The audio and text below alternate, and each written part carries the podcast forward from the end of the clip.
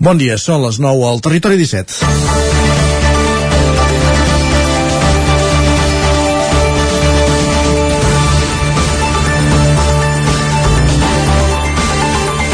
Partir de demà ja hi tornarà a haver, i aquesta vegada sense intermitències, llet UHT pasteuritzada a ultratemperatura de la marca Terra Dast i procedent de la trentena llarga de granges escrites a les cooperatives Plana de Vic i Vaquers d'Osona, unides sota l'epígraf de Vaquers Plana de Vic.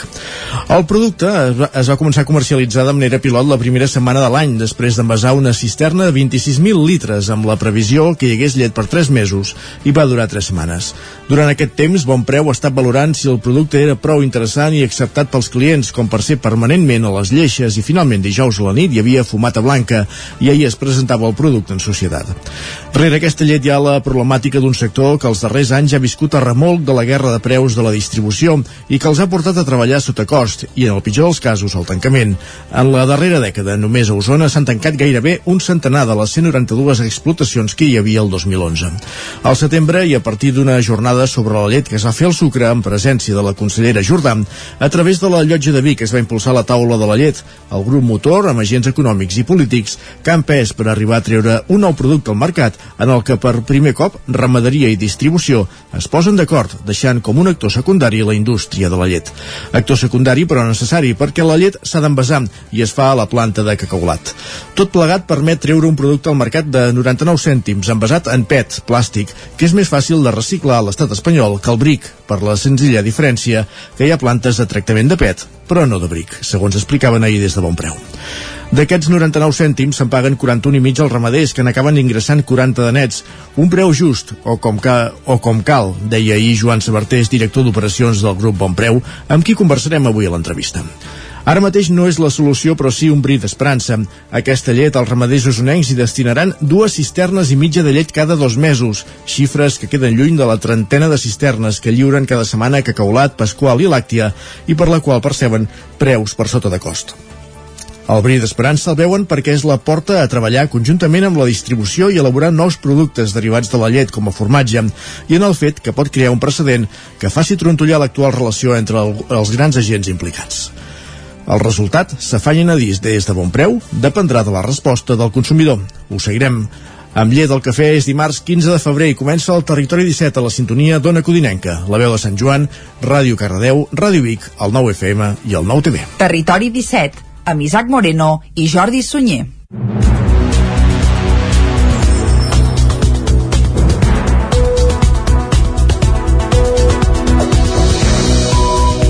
Passen 3 minuts de les 9 del matí d'avui dimarts, dia 15 de febrer de 2022 i com sempre arrencarem el territori 17 acostant-vos tota l'actualitat de les nostres comarques. Això ho farem durant la primera hora fins a les 10 del matí. Tot seguit actualitzarem el butlletí informatiu i cap a un quart d'onze anirem cap a l'entrevista avui, com bé deies Isaac, per parlar de llet, oi? Exacte, parlarem amb Joan Sabartés, director d'operacions del grup Bon Preu sobre la llet Territas de Baquers Plana de Vic. Aquesta setmana tornarà les lleixes dels establiments Bon Preu i Esclat a partir de demà. I a partir de dos quarts d'onze, un cop hagin fet el cafè amb llet, o la llet sola, o amb colacau, o amb el que vulgueu, arribarà el moment de les piulades amb en Guillem Sánchez. Tot seguit anirem a la taula de redacció i després parlarem de meteorologia i medi ambient, avui amb un tema ben curiós. Les cigonyes. Parlarem amb Bet Font, del grup d'anellament de Call d'Atenes, sobre l'increment de les cigonyes i l'avançament de les seves migracions, ja que estem en una època de l'any en què estem veient ja cigonyes i cada cop avancen més, com dèiem, les seves, les seves migracions. I se n'han vist moltes ja, Moltes, eh? sí, sí, en porten uns quants. Unes gairebé quantes re, rècord eh, de moment pel que es porta bé. En parlarem amb, amb la Bet Font un xic abans de les 11. A les 11 actualitzarem el butlletí informatiu i tot seguit, som dimarts, tocarà parlar d'economia. amb en Joan Carles Arredondo, el cap d'Economia del 9-9 del Vallès Oriental, avui per parlar del salari mínim interprofessional fixat des de la setmana passada, com bé sabeu, en els 1.000 euros. A la darrera mitja hora de programa, com sempre, tindrem temps de pujar al tren, a la R3, a la Trenc d'Alba, i avui és dimarts, per tant vol dir que acabarem amb el racó de pensar. Amb la Maria López, des de Ràdio Televisió Cardedeu, avui sobre la maternitat tardana. I vinga, doncs ara que ja sabem tot el que ens queda per fer des d'ara i fins a les 12, podem arrencar i arrencarem com sempre fent un repàs a l'actualitat de casa nostra, l'actualitat de les comarques del Ripollès, Osona, el Moianès i el Vallès Oriental. I us expliquem que veïns i comerciants del barri de Montserrat de Torelló es mobilitzen contra el tancament d'oficines bancàries i caixers. En aquesta zona actualment no hi queda cap sucursal oberta, hi ha un únic caixer en funcionament. El 25 d'aquest mes de març han convocat una marxa de protesta. El 25 de febrer ho faran, aquesta marxa Ai, de perdó, protesta. Sí. Des del passat mes de setembre, els veïns del barri de Montserrat Castelló, on hi viuen prop de 5.700 persones, no disposen de cap sucursal bancària. Han tancat la de CaixaBank, que hi ha deixat un caixer, i la del BBVA, on s'ha mantingut, on no s'ha mantingut, volem dir, aquest darrer servei. Dos matrimonis de gent gran de la zona han, han encetat una mobilització a la qual s'hi han sumat altres veïns i també comerciants. Asseguren que l'alternativa que els donen les dues entitats bancàries que es desplacin a les sucursals que hi ha al centre de Torelló no és vàlida. Escoltem a Teresa Iats i Agustí Costa a la gent del barri d'aquest de Montserrat ens trobem que molta gent grans com jo, que vaig coixa, que encara tinc la sort que condueixo, puc baixar baix al poble a buscar cèntims o buscar el que sigui necessari. Però molta gent no pot caminar, baixar a baix al poble i tornar a pujar. Què han de fer? Aquesta gent han d'anar sense cèntims perquè els caixers els tenen tots és un lladronici, això. Maltractar a la gent grans. El protocol per atendre més gent no l'han variat segueixen de, atenent de forma presencial d'un quart de nou a les 11 i bueno, hi han unes cues impressionants, però bueno, a les 11 a les 11 menys un minut ja et diuen que, bueno, que s'ha acabat. També asseguren que per l'alta afluència que hi ha, l'únic caixer de la zona sovint no té, no té diners. Els efectes del tancament de les sucursals també els noten els comerços de la zona a l'hora de fer gestions o d'anar a buscar canvi. Roser Casalí és treballadora de la farmàcia Verdolet que hi ha al també barri. També hi ha el problema aquest de la deshumanització de la banca que crec que és un greu problema perquè mm, tots som persones i, i ens volem sentir ben atesos i s'ha d'atendre bé de cara al públic eh, venent un fuet, venent una caixa d'aspirines o anant al banc a buscar canvi o fent gestions pel proper dia 25 de febrer, els veïns han organitzat una marxa de protesta que passarà per les oficines de CaixaBank i del BBVA a la placeta d'en Pujol i també per la sucursal del Banc de Sabadell. Han preparat una carta per lliurar als directors. Tot i que no hi confien del tot, esperen que la mobilització serveixi per expressar el seu malestar i, si pot ser, per recuperar el servei. Una cinquantena de persones es van concentrar aquest diumenge a la plaça de l'estació de Vic per protestar contra el canvi de criteri d'interior, que aquest cada setmana ha deixat sense autorització els talls que s'han convocat cada vespre a la Meridiana de Barcelona per protestar contra la sentència del procés. La concentració convocada pel CDR de Vic estava presidida per una pancarta on s'hi podia llegir Meridiana resisteix i es va fer seguint les consignes llançades divendres des de l'Assemblea Nacional Catalana. Dissabte, precisament, la delegació bigatana de l'ANC ja es va desplaçar a Barcelona a la concentració que l'entitat que presideix Elisenda Pelusier havia convocat a les portes del Parlament. Diumenge la mobilització es va descentralitzar a diferents punts del territori. En el cas de Vic, els manifestants van cridar consignes com 1 d'octubre ni oblit ni perdó o resisteix Meridiana. La protesta va acabar amb el cant dels segadors. Més qüestions anem cap al Ripollès perquè en Comú Podem reclama des de Ripoll que el Ripollès pugui votar en la consulta sobre la candidatura dels Jocs Olímpics d'hivern del 2030.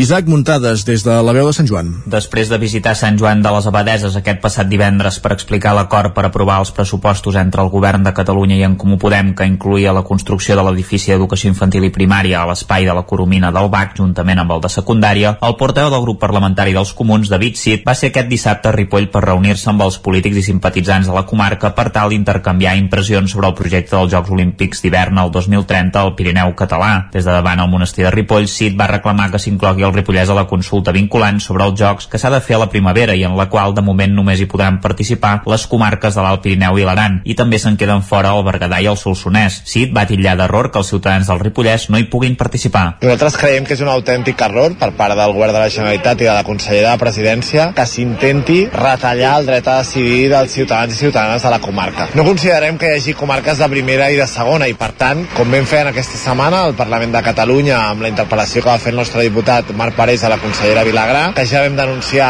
aquest greu error que els ciutadans i ciutadanes del Ripollès no puguin decidir sobre els Jocs Olímpics d'hivern 2030. En dues setmanes al Parlament de Catalunya nosaltres portarem una proposta perquè s'hagin de posicionar tots els grups polítics i demanem explícitament a tots els diputats i diputades de les comarques gironines i especialment també d'aquí de, del Ripollès que donin suport a la nostra proposta i per tant votin a favor de la proposta d'en Comú Podem en què el Ripollès pugui participar a la consulta dels Jocs Olímpics d'hivern. Sí, te referia especialment a la consellera d'Agricultura per Esquerra Republicana de Catalunya i exalcaldessa de Ripoll, Teresa Jordà, i també a l'alcalde actual i diputat per Junts per Catalunya, Jordi Monell, que sempre s'ha mostrat a favor dels Jocs, però també que els ripollesos puguin votar-ho en una consulta. Cid va estar acompanyat del coordinador dels comuns del Ripollès i regidor de Camp de Bànol, Andreu Acosta, la responsable d'Organització de Catalunya en Comú, Agnès Petit, i el responsable de mobilització i suport territorial del partit, Enric Bàrcena. Osona ha tancat el 2021 amb 5.349 empreses actives. Això suposa un 1,2% més que el 2020, però encara seria un 7% menys que els nivells previs a la pandèmia. Tot i això, l'afiliació ha pujat i ha batut una xifra rècord, 72.400 persones actives, una dada que no es veia des de l'any 2008. Aquestes són algunes de les conclusions que s'extreuen de l'informe elaborat conjuntament per la Cambra d'Osona i el Gabinet d'Estudis Econòmics de Barcelona. Osona, doncs, ha tancat el 2021 amb el mercat laboral en xifres històriques, tant pel que fa llocs de treball com a persones afiliades. Concretament, la comarca compta amb 72.478 llocs de treball, la xifra més alta des del 2008, i amb 73.354 persones afiliades a la Seguretat Social, també xifra rècord des del 2012. Això indicaria que Osona no és una comarca dormitori. Aquest comportament contrasta, però, amb la recuperació del teixit empresarial, que se situa al voltant de les 5.349 empreses, un 7% menys que abans de la Covid-19. Pere Ententes és el president de la delegació Osona de la Cambra de Comerç. A nivell de llocs de treball, ja us dic, eh, segueix la tònica de Catalunya, però podem estar molt satisfets perquè actualment tenim eh, 72.000 llocs de treballs a Osona directes. Què vol dir? O sigui, eh, feina directa a Osona.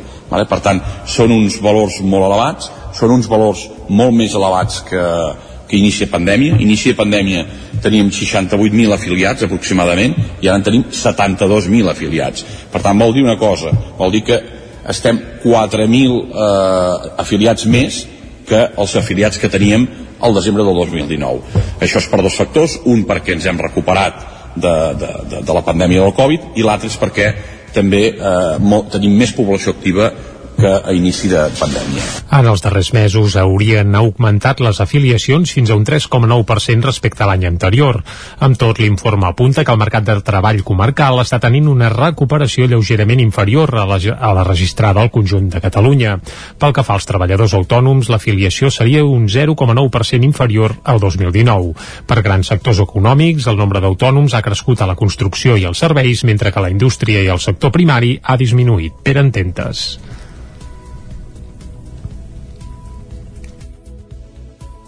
Uh, ara mateix no podem escoltar el Pere Ententes. La franja d'edat amb menys afiliacions ha tornat a repetir-se entre els 30 i els 44 anys. Pel que fa a l'atur, també es consolida una tendència decreixent.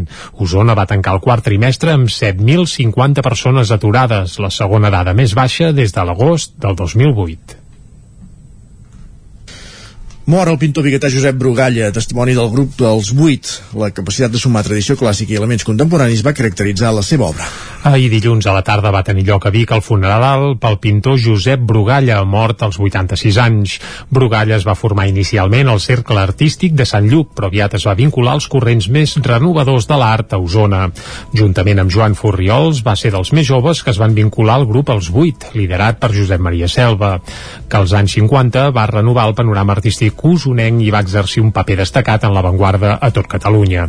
Del paisatgisme inicial va passar l'informalisme, però després d'un viatge a Itàlia va tornar a les referències realistes i bé sempre més va mantenir elements d'abstracció en la seva obra.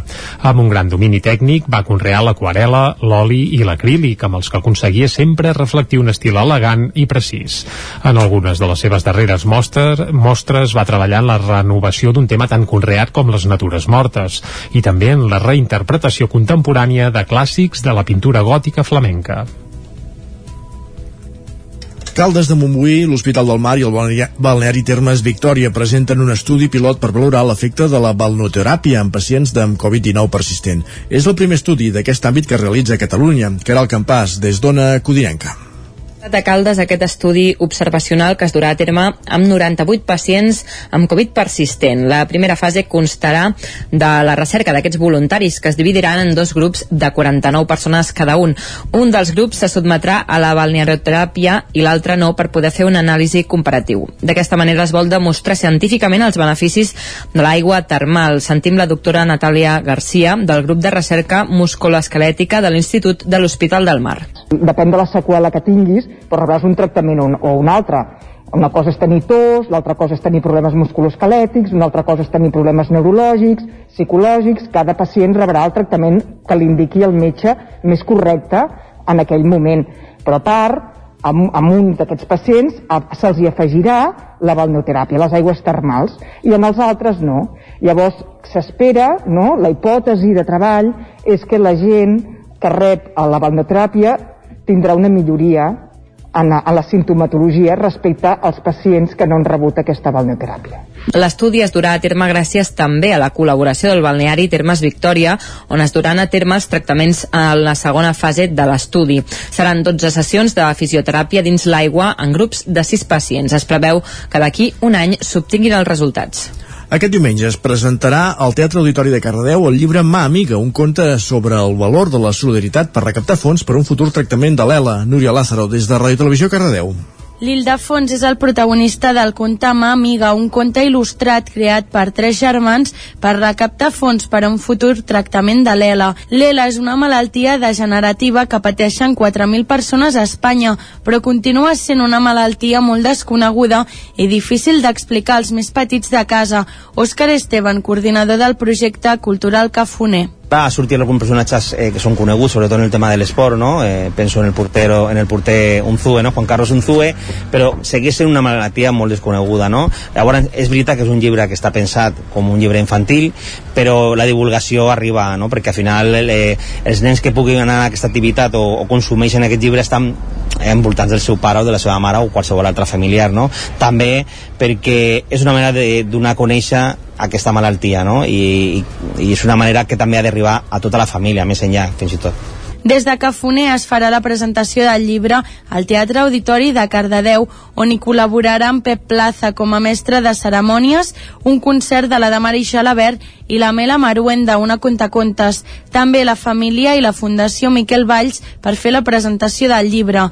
L'entrada a la presentació és lliure i els beneficis dels llibres que es poden trobar a les cinc llibreries de Cardedeu van destinats íntegrament per la investigació de l'ELA.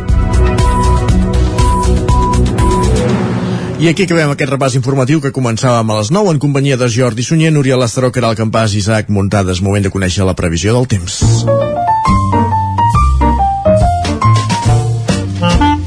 Casa Terradellos us ofereix el temps. I, evidentment, si parlem del temps a Territori 17, el que hem de fer és saludar de seguida en Pep Acosta, amb qui, bé, recordarem que ahir va haver alguna, alguna precipitació i fins i tot alguna pedregada que, per exemple, va embussar l'eix transversal oh. durant bona part de la tarda vespre. Eh? Va provocar un accident múltiple a l'eix transversal, per sort sense danys, sense ferits destacables, amb tres ferits, si no tinc, recordo malament, però sí que un camió va fer la tisora i això va provocar que en cadena hi haguessin altres impactes entre altres vehicles això en sentit Lleida, però és que en sentit Girona també va haver un impacte, i tot amb un tram molt, molt reduït entre Espinalbes i, i Sant Sadurní d'Usur mort.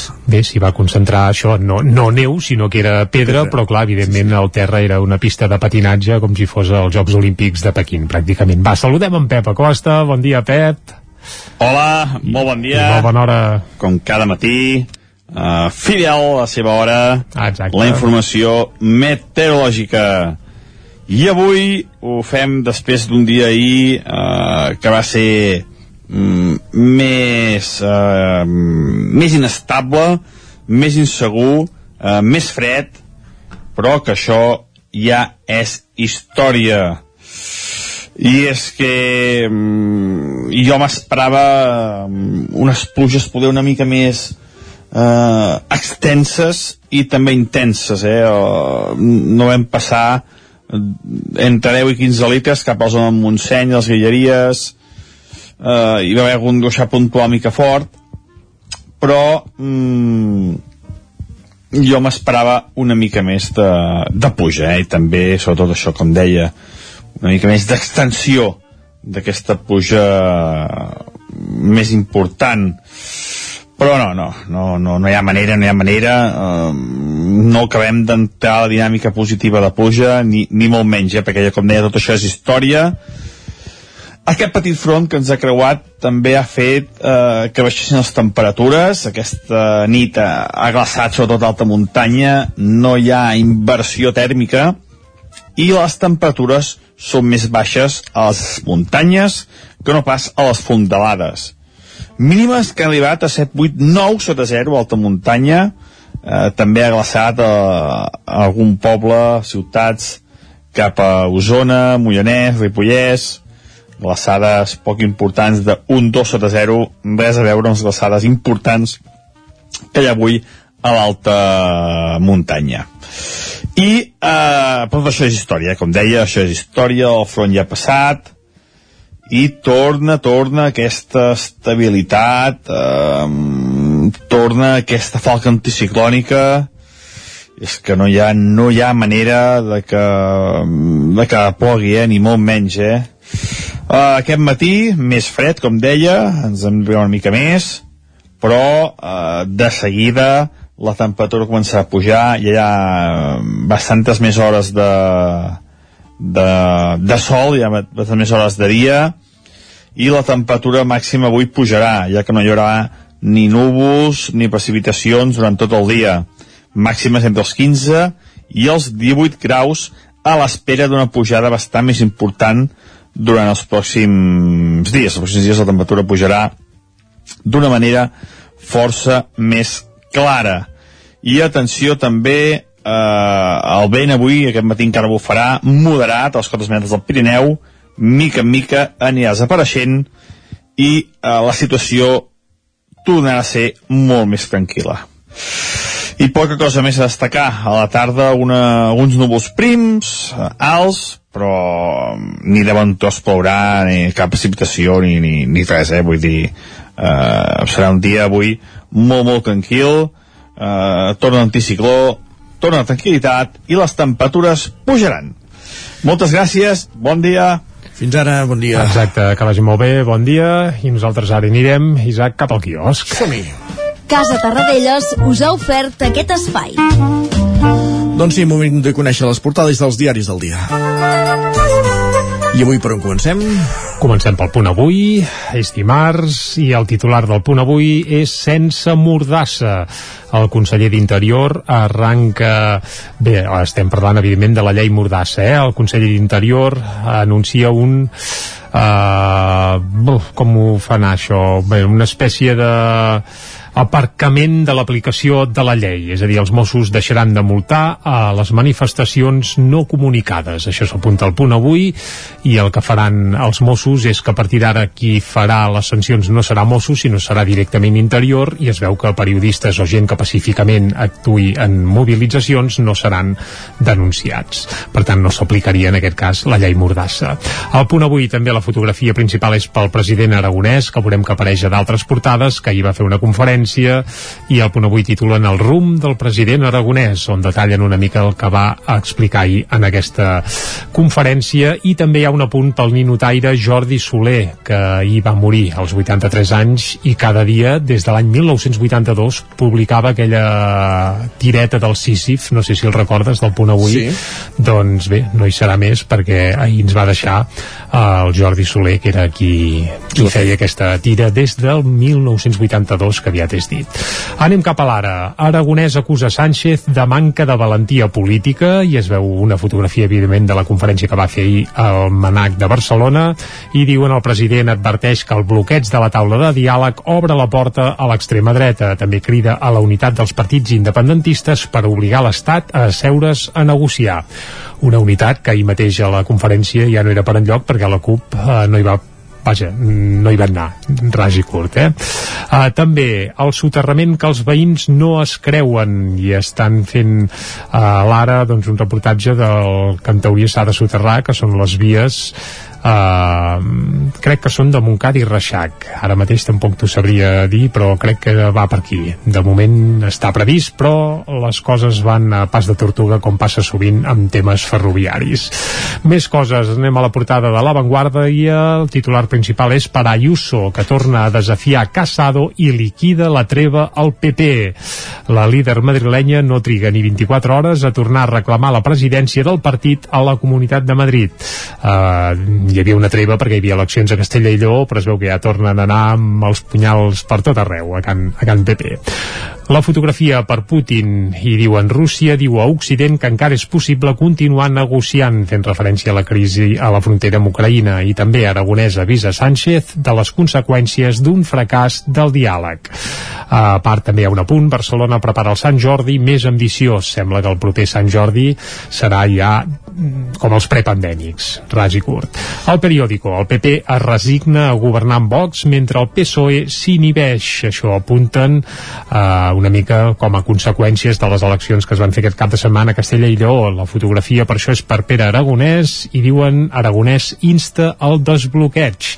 Això interpreten el periòdico de la conferència que va fer el president ahir eh, Almanac. Anem a portades que s'editen des de Madrid i comencem, com fem sempre, pel país. Castella i Lleó s'enfronta al risc de bloqueig després del 13F. També el bisbe de Madrid recolza esclarir els abusos del passat i la crisi amb Rússia altera l'agenda europea. Aquests serien els principals titulars que apareixen a la portada del país. Fem un cop d'ull ara a la Razón.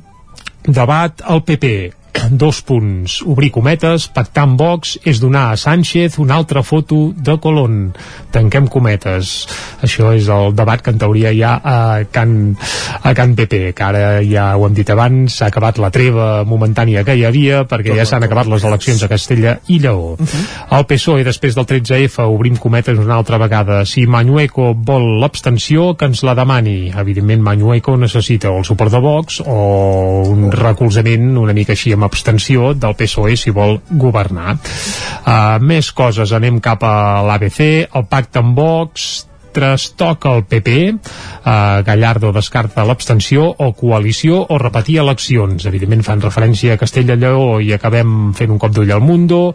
Obrim cometes, Casado ha volgut guanyar les generals abans de temps. Això és el que diuen dirigents del PP fent un balanç de les eleccions que es van fer a Castella i Lleó. I arribats a aquest punt fem una pausa, però el territori 17 torna d'aquí 3 minuts. El nou FM, la ràdio de casa, al 92.8. Això és el que s'escolta al voltant d'una caldera saunia d'Oval. Tranquilitat i benestar, perquè gaudeix del millor manteniment del servei tècnic oficial per estar despreocupat. O el que vulgui. Informis a Oficiat Nord trucant al 938860040. Saunia d'Oval, sempre al seu costat. Gràfics Air, el seu proveïdor global en rotulació i impressió digital. Oferim servei de disseny, producció i instal·lació de qualsevol projecte en rotulació industrial i comercial. Rètols corporis, senyalització preventiva, senyalització viària, senyalització interior de naus, vinils decoratius per a oficines i establiments comercials, rotulació de vehicles... Confia en els serveis que li pot oferir Gràfics Air. Ens trobarà al carrer Lleida 39 de Vic o a graphicsAir.com. Cobertes serveis funeraris. Els nostres tanatoris estan ubicats en els nuclis urbans més poblats de la comarca d'Osona per oferir un millor servei. Tanatori de Vic, Tanatori de Manlleu, Tanatori de Centelles i Tanatori de Roda de Ter. Sabem que són moments difícils i per això el nostre compromís és atendre-us en tot moment amb un tracte humà, sensible i respectuós. Cobertes serveis funeraris. Telèfon 24 hores 93 883 23 46. Cefosol, centre de formació de soldadura BURB. Som especialistes en processos de soldadura. Disposem d'instal·lacions totalment equipades per classes de teòrica i pràctica amb cabines individuals i equipaments de seguretat. Assessorem empreses i oferim cursos subvencionats i bonificats. Vine i t'informarem. Cefosol, som al carrer Sant Roc, número 9 de GURB. Telèfon 664 206 192. També ens trobaràs a cefosol.com i a YouTube. Fa que no menges pluma ibèrica de Salamanca i xuletilles de lechal a la brasa amb una bona amanida? Oh, i un xuletón de vedella gallega? O lechazo de Castilla al forn? Ah, i botillo del Bierzo amb cachelos i col? Ei, i cochinillo a l'estil de Segovia, i tot acompanyat d'un bon celler. Oh, i uns bons serranitos de pollastre, de llom, d'hamburguesa, del que tu vulguis. Per menjar la millor cuina de Lleó sense moure't de casa, vine a El Racó de León. Fem cuina tradicional lleonesa i de mercat. Vine amb la família, amb els amics, amb la parella o sol. T'encantarà. El racó de León. Som al carrer Torelló 35 de Vic. Reserves 93 889 1950. Tanquem els dimarts. El racó de León. Vine a tastar una cuina diferent. Anuncia't al 9FM. La màquina de casa. 9 3 8 8 9 4 9 4 9 Publicitat arroba al 9FM.cat. Anuncia't al 9FM. La publicitat més eficaç. El 9FM. En punt, dos quarts de deu al territori 17. Territori 17, amb Isaac Moreno i Jordi Sunyer.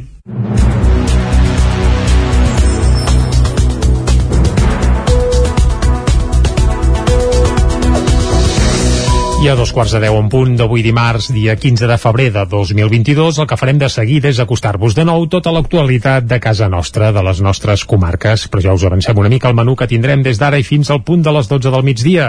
Abans de les 10, com fem cada dia, hi posarem una mica de música. Avui, des de la Roca del Vallès, Isaac, i d'una noia amb un cognom que, vaja, que seria gairebé la bíblia de la música nacional, eh? Carai. Llach. Ah, molt, però No és el només Lluís, el eh? No és el Lluís, sí. Laia Llach, va, Molt després es descobrirem com canta i per què la punxem avui. Això ho farem abans de les 10. A les 10 actualitzarem el butlletí informatiu i després l'entrevista. Avui amb Joan Sabartés, director d'operacions del grup Bon Preu sobre la llet Terra i Tas de Vaquers Plana de Vic. Aquesta setmana tornarà a les lleixes dels supermercats Bon Preu i Esclat. A dos quarts d'onze serà el moment de les piulades amb Guillem Sánchez, passarem per les portades del 99.cat i la taula de redacció. I tot seguit, cigonyes. Avui a l'Espai de Natura parlarem amb Bet Font del grup d'anellament de Callatenes sobre l'increment de les cigonyes en les onades migratòries en els darrers anys i també l'avançament de les seves migracions. A les 11, més informació, més notícies i tot seguit, és dimarts, per tant vol dir que ens visitarà en Joan Carles Arredondo. Des del 9-9 del Vallès Oriental, el seu cap d'Economia ens parlarà de l'augment del salari mínim interprofessional fixat ara en els 1.000 euros. I a la darrera mitja hora del programa, com sempre, pujarem a la R3, a la Trenc d'Alba, i avui, com que és dimarts, acabarem amb el racó de pensar. Amb la Maria López, des de Ràdio Televisió Cardedeu, avui parlant de la maternitat tardana. I ara sí, ara el que ens toca és acostar-vos de nou l'actualitat de casa nostra. Ja ho sabeu, l'actualitat de les comarques del Ripollès, Osona, el Moianès i el Vallès Oriental. I us expliquem que veïns i comerciants del barri de Montserrat de Torelló es mobilitzen contra el tancament d'oficines bancàries i caixers. En aquesta zona actualment no hi queda cap sucursal oberta. Hi ha un únic caixer en funcionament. El 25 d'aquest mes de març han convocat una marxa de protesta. El 25 de febrer ho faran, aquesta marxa Ai, de perdó, protesta. Des del passat mes de setembre, els veïns del barri de Montserrat on hi viuen prop de 5.700 persones, no disposen de cap sucursal bancària. Han tancat la de CaixaBank, que hi ha deixat un caixer, i la del BBVA, on s'ha mantingut, on no s'ha mantingut, volem dir, aquest darrer servei. Dos matrimonis de gent gran de la zona han, han encetat una mobilització a la qual s'hi han sumat altres veïns i també comerciants. Asseguren que l'alternativa que els donen les dues entitats bancàries que es desplacin a les sucursals que hi ha al centre de Torelló no és vàlida. Escoltem a Teresa Iats i Agustí Costa. A la gent del barri d'aquest de Montserrat ens trobem que molta gent grans com jo, que vaig coixa, que encara tinc la sort que condueixo, puc baixar baix al poble a buscar cèntims o buscar el que sigui necessari. Però molta gent no pot caminar, baixar a baix al poble i tornar a pujar. Què han de fer? Aquesta gent han d'anar sense cèntims perquè els caixers els tenen tots és un lladronici això maltractar a la gent grans el protocol per atendre més gent no l'han variat o sigui, segueixen de, atenent de forma presencial d'un quart de nou a les 11 i bueno, hi han unes cues impressionants, però bueno, a les 11 a les 11 menys un minut ja et diuen que, bueno, que s'ha acabat. També asseguren que per l'alta afluència que hi ha, l'únic caixer de la zona sovint no té, no té diners. Els efectes del tancament de les sucursals també els noten els comerços de la zona a l'hora de fer gestions o d'anar a buscar canvi. Roser Casalí és treballadora de la farmàcia Verdolet que hi ha al També hi ha barri. el problema aquest de la deshumanització de la banca que crec que és un greu problema perquè mm, tots som persones i, i ens volem sentir ben atesos i s'ha d'atendre bé de cara al públic eh, venent un fuet, venent una caixa d'aspirines o anant al banc a buscar canvi o fent gestions pel proper dia 25 de febrer, els veïns han organitzat una marxa de protesta que passarà per les oficines de CaixaBank i del BBVA a la placeta d'en Pujol i també per la sucursal del Banc de Sabadell. Han preparat una carta per lliurar als directors. Tot i que no hi confien del tot, esperen que la mobilització serveixi per expressar el seu malestar i, si pot ser, per recuperar el servei. Una cinquantena de persones es van concentrar aquest diumenge a la plaça de l'estació de Vic per protestar contra el canvi de criteri d'interior, que aquest cap de setmana ha deixat sense autorització els talls que s'han convocat cada vespre a la Meridiana de Barcelona per protestar contra la sentència del procés. La concentració convocada pel CDR de Vic estava presidida per una pancarta on s'hi podia llegir Meridiana resisteix i es va fer seguint les consignes llançades divendres des de l'Assemblea Nacional Catalana. Dissabte, precisament, la delegació bigatana de l'ANC ja es va desplaçar a Barcelona a la concentració que l'entitat que presideix Elisenda Pelusier havia convocat a les portes del Parlament.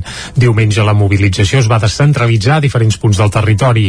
En el cas de Vic, els manifestants van cridar consignes com 1 d'octubre ni oblit ni perdó o resisteix Meridiana. La protesta va acabar amb el cant dels segadors. Més qüestions anem cap al Ripollès perquè en Comú Podem reclama des de Ripoll que el Ripollès pugui votar en la consulta sobre la candidatura dels Jocs Olímpics d'hivern del 2030. Isaac Muntades, des de la veu de Sant Joan. Després de visitar Sant Joan de les Abadeses aquest passat divendres per explicar l'acord per aprovar els pressupostos entre el govern de Catalunya i en Comú Podem que incluïa la construcció de l'edifici d'educació infantil i primària a l'espai de la Coromina del BAC juntament amb el de secundària, el porteu del grup parlamentari dels comuns, David Cid, va ser aquest dissabte a Ripoll per reunir-se amb els polítics i simpatitzants de la comarca per tal d'intercanviar impressions sobre el projecte dels Jocs Olímpics d'hivern govern el 2030 al Pirineu català. Des de davant el monestir de Ripoll, Cid va reclamar que s'inclogui el Ripollès a la consulta vinculant sobre els jocs que s'ha de fer a la primavera i en la qual de moment només hi podran participar les comarques de l'Alt Pirineu i l'Aran i també se'n queden fora el Berguedà i el Solsonès. Cid va titllar d'error que els ciutadans del Ripollès no hi puguin participar. Nosaltres creiem que és un autèntic error per part del govern de la Generalitat i de la Consellera de Presidència que s'intenti retallar el dret a decidir dels ciutadans i ciutadanes de la comarca. No considerem que hi hagi comarques de primera i de segona i per tant, com vam fer en aquesta setmana al Parlament de Catalunya amb la interpel·lació que va fer el nostre diputat Marc Parés a la consellera Vilagrà, que ja vam denunciar aquest greu error que els ciutadans i ciutadanes del Ripollès no puguin decidir sobre els Jocs Olímpics d'hivern 2030. En dues setmanes al Parlament de Catalunya nosaltres portarem una proposta perquè s'hagin de posicionar tots els grups polítics i demanem explícitament a tots els diputats i diputades de les comarques gironines i especialment també d'aquí de, del Ripollès que donin suport a la nostra proposta i per tant votin a favor de la proposta en Comú Podem en què el Ripollès pugui participar a la consulta dels Jocs Olímpics d'hivern. Sí, te referia especialment a la consellera d'Agricultura per Esquerra Republicana de Catalunya i exalcaldessa de Ripoll, Teresa Jordà, i també a l'alcalde actual i diputat per Junts per Catalunya, Jordi Monell, que sempre s'ha mostrat a favor dels Jocs, però també que els ripollesos puguin votar-ho en una consulta. Cid va estar acompanyat del coordinador dels comuns del Ripollès i regidor de Camp de Bànol, Andreu Acosta, la responsable d'Organització de Catalunya en Comú, Agnès Petit, i el responsable de mobilització i suport territorial del partit, Enric Bàrcena. Osona ha tancat el 2021 amb 5.349 empreses actives. Això suposa un 1,2% més que el 2020, però encara seria un 7% menys que els nivells previs a la pandèmia. Tot i això, l'afiliació ha pujat i ha batut una xifra rècord, 72.400 persones actives, una dada que no es veia des de l'any 2008. Aquestes són algunes de les conclusions que s'extreuen de l'informe elaborat conjuntament per la Cambra d'Osona i el Gabinet d'Estudis Econòmics de Barcelona. Osona, doncs, ha tancat el 2021 amb el mercat laboral en xifres històriques, tant pel que fa llocs de treball com a persones afiliades.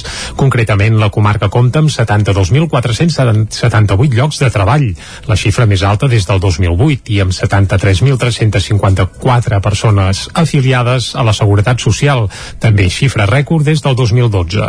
Això indicaria que Osona no és una comarca dormitori. Aquest comportament contrasta, però, amb la recuperació del teixit empresarial, que se situa al voltant de les 5.349 empreses, un 7% menys que abans de la Covid-19. Pere Ententes és el president de la delegació Osona de la Cambra de Comerç. El nivell de llocs de treball, ja us dic, eh, segueix la tònica de Catalunya, però podem estar molt satisfets perquè actualment tenim eh, 72.000 llocs de treballs a Osona directes. Què vol dir? O sigui, eh, feina directa a Osona. Vale? Per tant, són uns valors molt elevats, són uns valors molt més elevats que, que inicia pandèmia. Inicia pandèmia teníem 68.000 afiliats aproximadament i ara en tenim 72.000 afiliats. Per tant, vol dir una cosa, vol dir que estem 4.000 eh, afiliats més que els afiliats que teníem al desembre del 2019. Això és per dos factors, un perquè ens hem recuperat de, de, de, de la pandèmia del Covid i l'altre és perquè també eh, tenim més població activa que a inici de pandèmia. En els darrers mesos haurien augmentat les afiliacions fins a un 3,9% respecte a l'any anterior. Amb tot, l'informe apunta que el mercat de treball comarcal està tenint una recuperació lleugerament inferior a la, a la registrada al conjunt de Catalunya. Pel que fa als treballadors autònoms, l'afiliació seria un 0,9% inferior al 2019. Per grans sectors econòmics, el nombre d'autònoms ha crescut a la construcció i els serveis, mentre que la indústria i el sector primari ha disminuït. Per ententes.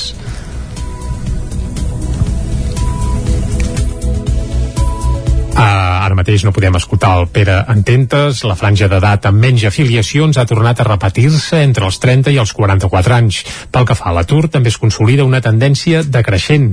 Osona va tancar el quart trimestre amb 7.050 persones aturades, la segona dada més baixa des de l'agost del 2008. Mor el pintor biguetà Josep Brugalla, testimoni del grup dels 8. La capacitat de sumar tradició clàssica i elements contemporanis va caracteritzar la seva obra.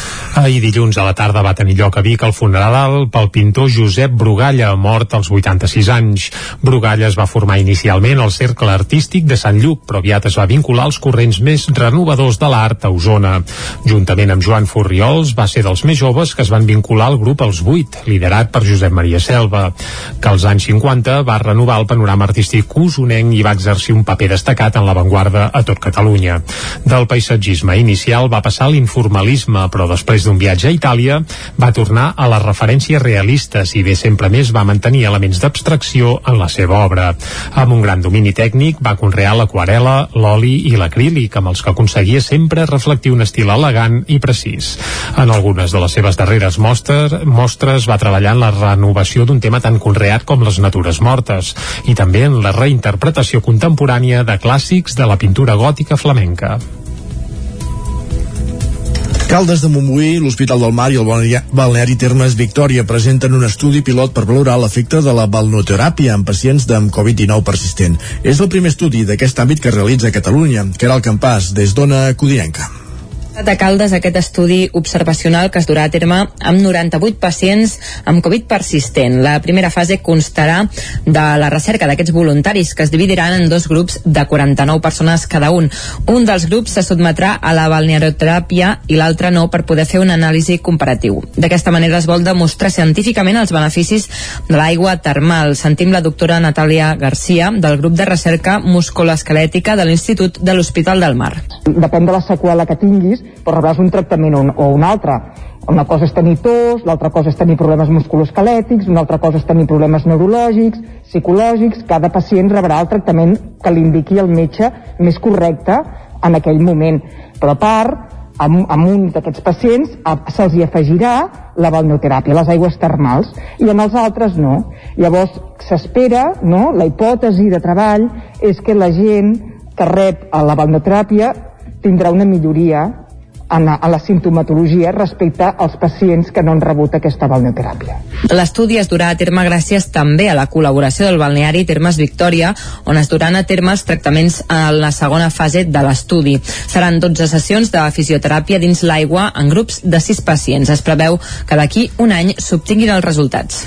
Aquest diumenge es presentarà al Teatre Auditori de Cardedeu el llibre Ma Amiga, un conte sobre el valor de la solidaritat per recaptar fons per un futur tractament de l'ELA. Núria Lázaro, des de Ràdio Televisió Cardedeu.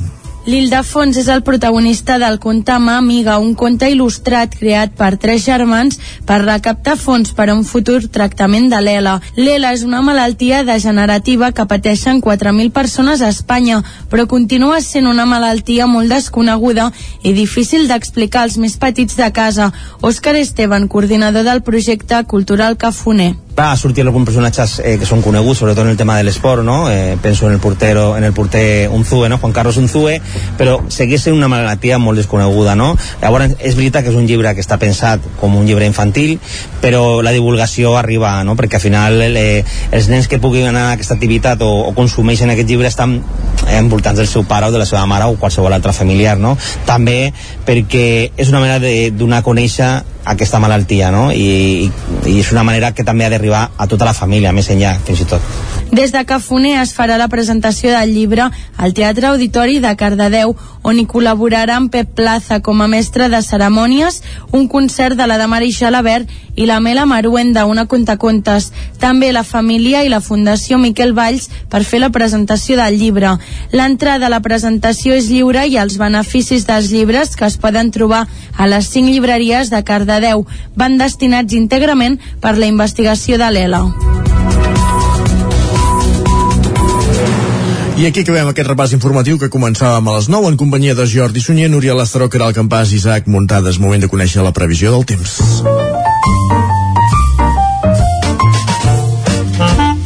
Casa Terradellos us ofereix el temps. I, evidentment, si parlem del temps a Territori 17, el que hem de fer és saludar de seguida en Pep Acosta, amb qui, bé, recordarem que ahir va haver alguna, alguna precipitació i fins i tot alguna pedregada que, per exemple, va embussar l'eix transversal Home. durant bona part de la tarda vespre. Eh? Va provocar un accident múltiple a l'eix transversal, per sort sense danys, sense ferits destacables, tres ferits, si no tinc, recordo malament, però sí que un camió va fer la tisora i això va provocar que en cadena hi haguessin altres impactes entre altres vehicles. Això en sentit Lleida, però és que en sentit Girona també va haver un impacte, i tot amb un tram molt, molt reduït entre Espinalbes i, i Sant Sadurní d'Osor Mort. Bé, s'hi va concentrar això, no, no neu, sinó que era pedra, però clar, evidentment el terra era una pista de patinatge com si fos els Jocs Olímpics de Pequín, pràcticament. Va, saludem en Pep Acosta, bon dia Pep.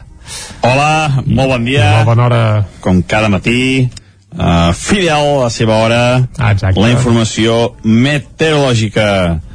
I avui ho fem després d'un dia ahir uh, que va ser mm, més, uh, més inestable, més insegur, uh, més fred, però que això ja és història. I és que mm, jo m'esperava mm, unes pluges poder una mica més eh, extenses i també intenses, eh? Uh, no vam passar entre 10 i 15 litres cap a la zona de Montseny, les Guilleries, eh, hi va haver algun gruixar puntual mica fort, però mm, jo m'esperava una mica més de, de puja, eh? i també, sobretot això, com deia, una mica més d'extensió d'aquesta puja més important però no, no, no, no, no hi ha manera, no hi ha manera, eh, no acabem d'entrar la dinàmica positiva de puja, ni, ni molt menys, eh, perquè com deia, tot això és història. Aquest petit front que ens ha creuat també ha fet eh, que baixessin les temperatures, aquesta nit ha, ha glaçat sobretot alta muntanya, no hi ha inversió tèrmica, i les temperatures són més baixes a les muntanyes que no pas a les fondalades mínimes que han arribat a 7, 8, 9 sota 0 a alta muntanya eh, també ha glaçat a, a algun poble, ciutats cap a Osona, Mollanès, Ripollès glaçades poc importants de 1, 2 sota 0 res a veure amb les glaçades importants que hi ha avui a l'alta muntanya. I eh, però això és història, com deia això és història, el front ja ha passat i torna, torna aquesta estabilitat eh, torna aquesta falca anticiclònica és que no hi ha, no hi ha manera de que, de que plogui, eh, ni molt menys eh. Uh, aquest matí més fred, com deia ens en ve una mica més però uh, de seguida la temperatura comença a pujar hi ha bastantes més hores de, de, de sol, hi ha bastantes més hores de dia i la temperatura màxima avui pujarà, ja que no hi haurà ni núvols ni precipitacions durant tot el dia. Màximes entre els 15 i els 18 graus a l'espera d'una pujada bastant més important durant els pròxims dies. Els pròxims dies la temperatura pujarà d'una manera força més clara. I atenció també eh, el vent avui, aquest matí encara bufarà, moderat, a les cotes metres del Pirineu, mica en mica anirà desapareixent i eh, la situació tornarà a ser molt més tranquil·la. I poca cosa més a destacar. A la tarda una, uns núvols prims, eh, alts, però mm, ni de bon tos plourà, ni cap precipitació, ni, ni, ni res, eh? Vull dir, eh, serà un dia avui molt, molt tranquil, eh, torna l'anticicló, torna la tranquil·litat i les temperatures pujaran. Moltes gràcies, bon dia. Fins ara, bon dia. Exacte, que vagi molt bé, bon dia, i nosaltres ara anirem, Isaac, cap al quiosc. som -hi. Casa Tarradellas us ha ofert aquest espai. Doncs sí, moment de conèixer les portades dels diaris del dia. I avui per on comencem? Comencem pel punt avui, és dimarts i el titular del punt avui és sense mordassa. El conseller d'Interior arranca... Bé, estem parlant evidentment de la llei mordassa, eh? El conseller d'Interior anuncia un... Uh, com ho fan això? Bé, una espècie de aparcament de l'aplicació de la llei, és a dir, els Mossos deixaran de multar a les manifestacions no comunicades. Això s'apunta al punt avui i el que faran els Mossos és que a partir d'ara qui farà les sancions no serà Mossos, sinó serà directament interior i es veu que periodistes o gent que pacíficament actui en mobilitzacions no seran denunciats. Per tant, no s'aplicaria en aquest cas la llei Mordassa. Al punt avui també la fotografia principal és pel president aragonès, que veurem que apareix a d'altres portades, que ahir va fer una conferència i el punt avui titulen El rum del president aragonès, on detallen una mica el que va explicar ahir en aquesta conferència i també hi ha un apunt pel ninotaire Jordi Soler, que ahir va morir als 83 anys i cada dia, des de l'any 1982, publicava aquella tireta del Sísif, no sé si el recordes, del punt avui. Sí. Doncs bé, no hi serà més perquè ahir ens va deixar eh, el Jordi Soler, que era qui, qui feia aquesta tira des del 1982, que aviat és dit. Anem cap a l'ara. Aragonès acusa Sánchez de manca de valentia política i es veu una fotografia, evidentment, de la conferència que va fer ahir al Manac de Barcelona i diuen el president adverteix que el bloqueig de la taula de diàleg obre la porta a l'extrema dreta. També crida a la unitat dels partits independentistes per obligar l'Estat a asseure's a negociar. Una unitat que ahir mateix a la conferència ja no era per enlloc perquè la CUP eh, no hi va vaja, no hi van anar, ras i curt, eh?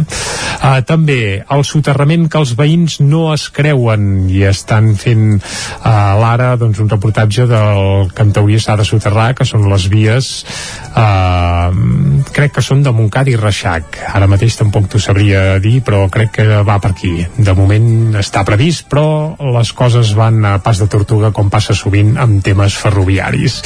Més coses, anem a la portada de l'avantguarda i el titular principal és per Ayuso que torna a desafiar Casado i liquida la treva al PP la líder madrilenya no triga ni 24 hores a tornar a reclamar la presidència del partit a la Comunitat de Madrid. Uh, hi havia una treva perquè hi havia eleccions a Castella i Lleó, però es veu que ja tornen a anar amb els punyals per tot arreu, a Can, a Can PP. La fotografia per Putin, i diu en Rússia, diu a Occident que encara és possible continuar negociant, fent referència a la crisi a la frontera amb Ucraïna, i també Aragonès avisa Sánchez de les conseqüències d'un fracàs del diàleg. A part, també hi ha un apunt, Barcelona prepara el Sant Jordi més ambiciós. Sembla que el proper Sant Jordi serà ja mm, com els prepandèmics, ras i curt.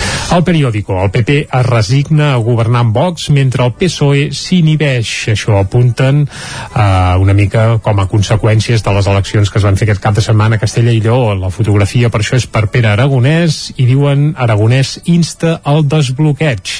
Això interpreten el periòdico de la conferència que va fer el president ahir eh, al Manac. Anem a portades que s'editen des de Madrid i comencem, com fem sempre, pel país. Castella i Lleó s'enfronta al risc de bloqueig després del 13F. També el bisbe de Madrid recolza esclarir els abusos del passat i la crisi amb Rússia altera l'agenda europea. Aquests serien els principals titulars que apareixen a la portada del país. Fem un cop d'ull ara a la Razón. Debat al PP dos punts, obrir cometes, pactar amb Vox és donar a Sánchez una altra foto de Colón. Tanquem cometes. això és el debat que en teoria hi ha a Can, a Can PP que ara ja ho hem dit abans s'ha acabat la treva momentània que hi havia perquè ja s'han acabat les eleccions a Castella i Lleó uh -huh. el PSOE després del 13F obrim cometes una altra vegada si Mañueco vol l'abstenció que ens la demani evidentment Mañueco necessita o el suport de Vox o un recolzament una mica així amb abstenció del PSOE si vol governar uh, més coses, anem cap a l'ABC el pacte amb Vox trastoca el PP, eh, Gallardo descarta l'abstenció o coalició o repetir eleccions. Evidentment fan referència a Castella Lleó i acabem fent un cop d'ull al Mundo. Obrim cometes, Casado ha volgut guanyar les generals abans de temps. Això és el que diuen dirigents del PP fent un balanç de les eleccions que es van fer a Castella i Lleó. Vinga, ja ho tenim. Això, ja ho tenim, ja Sí, tenim sí, les sí. eleccions superades, però les Sí, seqüeles però- seran llargues. Exacte, exacte. Bé, és a dir, seran tan llargues com fins quan arribin les andaluses uh, i després quan arri... és que de- d'eleccions a eleccions i aquí no hi ha períodes plàcids uh, mai. D'eleccions es viu, en alguns casos. Mm, Bé, a vegades és l'excusa per no haver de fer gaire res més, sempre pensant de, de comissi en comissi i qui tira... Bueno, qui tira Per per què què em toca. toca? Va, vinga, deixem-ho. la Aparquem, aparquem política, anem per la música, que sempre és un tema més interessant, i hem avançat abans que avui escoltarem a Laia Llach. Uh, el primer que hem de dir és que no té cap parentiu amb Lluís Llach, per tant... Segur, eh? Segur. Uh, bé, uh, almenys directe, uh, seguríssim que no. Uh, potser indirectament, si anéssim agratant el seu arbre genealògic, podríem a saber. trobar alguna cosa. Però en principi, Laia Llach, que és una cantautora de la Roca del Vallès, no té res a veure amb Lluís Llach. Doncs ja s'ha presentat aquest projecte de llet Bé, perfecte, val. No, tampoc el que, i el que farà la, la Laia Llach no és un projecte de llet, que també estaria bé, sinó que el que té en projecte és treure el seu primer disc. I avui volem parlar d'ella perquè, bé, la Laia Llach, per treure aquest primer disc, el que ha fet és fer una campanya de micromecenatge a través de Verkami, com fan molts altres músics d'arreu dels països catalans, i a aquest Verkami li queden ara mateix uns 10 dies per, per acabar. Recordem que els Verkamis duren 40 dies, i la Laia, poder enregistrar aquest seu primer disc, de temes propis va demanar 3.000 euros. És un, bé, una proposta és bastant però bé, de Barcamis n'hi ha de molt més generosos. De moment em porta recollits 2.450 per tant li falten 550 euros per arribar al seu objectiu. En 10 dies jo crec que els ha d'assolir de sobres però avui li farem una mica de propaganda i grateu-hi, veureu que val molt la pena i que seria prou interessant que la Laia pogués treure aquest seu primer disc amb temes propis. I diem amb temes propis perquè si grateu per exemple internàuticament i poseu Laia Llach sí. us trobareu un devessall i un enfilall gairebé etern de versions i és que la Laia ja fa temps que trepitja escenaris acompanyada de la seva guitarra clàssica i d'una pedalera d'aquella que fa loops versionant tot tipus de músics és a dir, versiona des de la Rosalia per exemple uh -huh. fins a cantautors ibèrics cantautors catalans, grups de pop grups de rock, és a dir que s'atreveix pràcticament amb tot i a més hi posa sempre aquest seu segell que, bé, que té, té, té certa gràcia. Però evidentment del que us volem parlar ara no és de les seves versions sinó del seu nou disc que sortirà segurament si el Barcami acaba arribant a bon port que esperem que sí, doncs sortiria abans de l'estiu. I en aquest disc hi haurà cançons com la que escoltarem d'aquí una estona. La cançó es diu La pluja entre parèntesis Cruïlla. És una cançó curteta com totes de les de la Laia Llach que bé, no diguem que no s'està per brocs a l'hora de les cançons eh? veu, guitarra, estrofa, tornada pim-pam-pum, sense barroquismes ni artificis gratuïts sinó que va molt al gra. I bé, avui el que volem fer aquí Territori 17 és això, donar-li una empanteta i fer-la visible. Apunteu-vos aquest nom, Laia Llach no té res a veure amb en Lluís Llach però sí que també és un perfil així de cançó d'autor i està intentant, doncs això, eh, treure el seu primer disc en solitari, un primer disc que editarà en cas que el Verkami, en el qual ja porta 30 dies doncs, eh, capbussada, doncs arribi a bon port i esperem que sí, eh? recordem-ho, el seu objectiu, arribar als 3.000 euros. Què s'ha de fer per participar a un Verkami? Doncs molt fàcil, verkami.com, Laia Llach, us afegiu allà i veureu que tot és molt fàcil i molt senzill. I fareu possible que cançons com la que escoltarem ara doncs acabin sonant molt més ben embolides publicades perquè les podran registrar com Déu o qui sigui mana en un disc que hauria de veure la llum abans de l'estiu. Ara sí, abans d'arribar a les 10, escoltem la pluja de la Laia Llach. Vinga.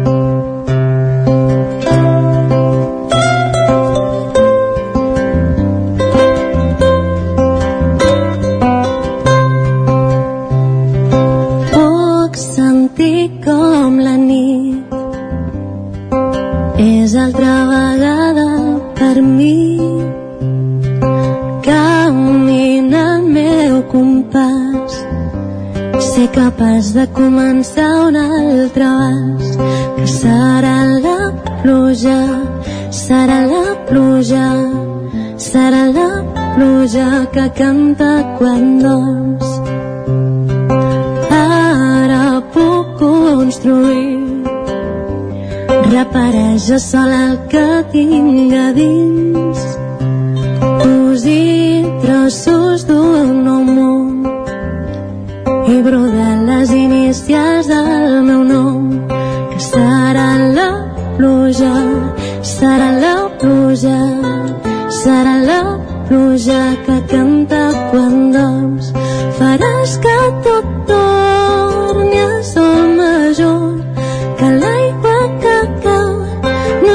sigui de plors que serà la pluja serà la pluja serà la pluja que canta quan dorms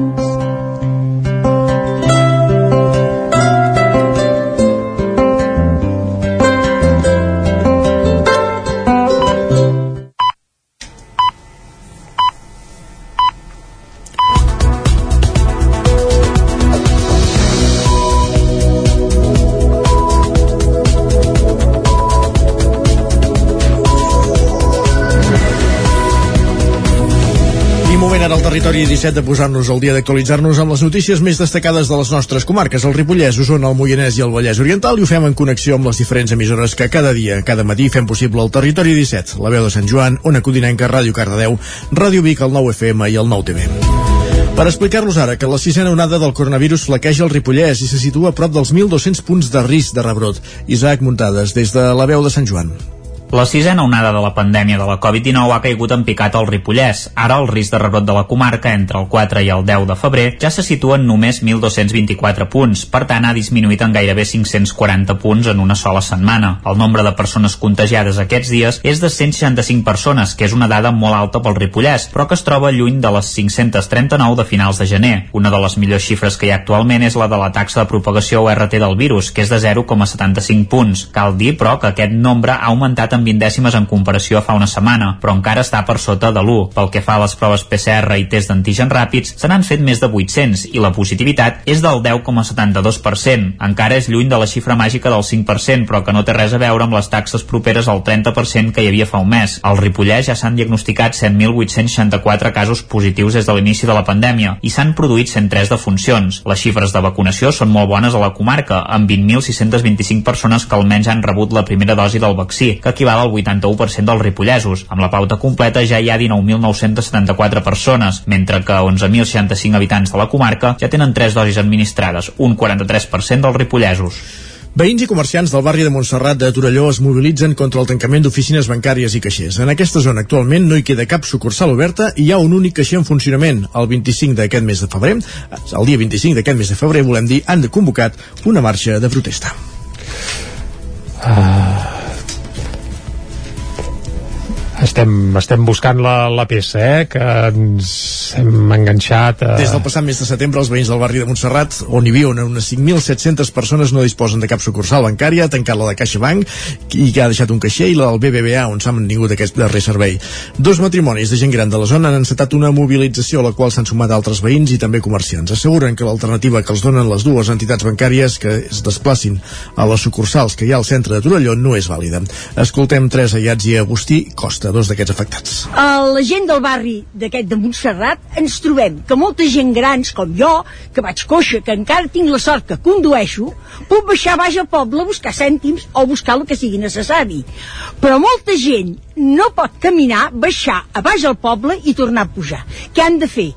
Aquesta gent han d'anar sense cèntims perquè els caixers els tenen tots És un lladronici, això. Maltractar a la gent grans. El protocol per atendre més gent no l'han variat.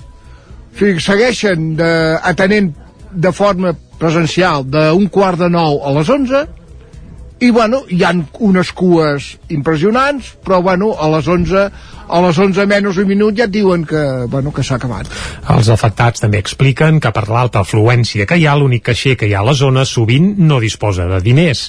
Els efectes del tancament de les sucursals també els noten els comerços que hi ha al barri a l'hora de fer gestions o d'anar a buscar canvi, ho explica Roser Casalí, que és treballadora de la farmàcia Verdolet.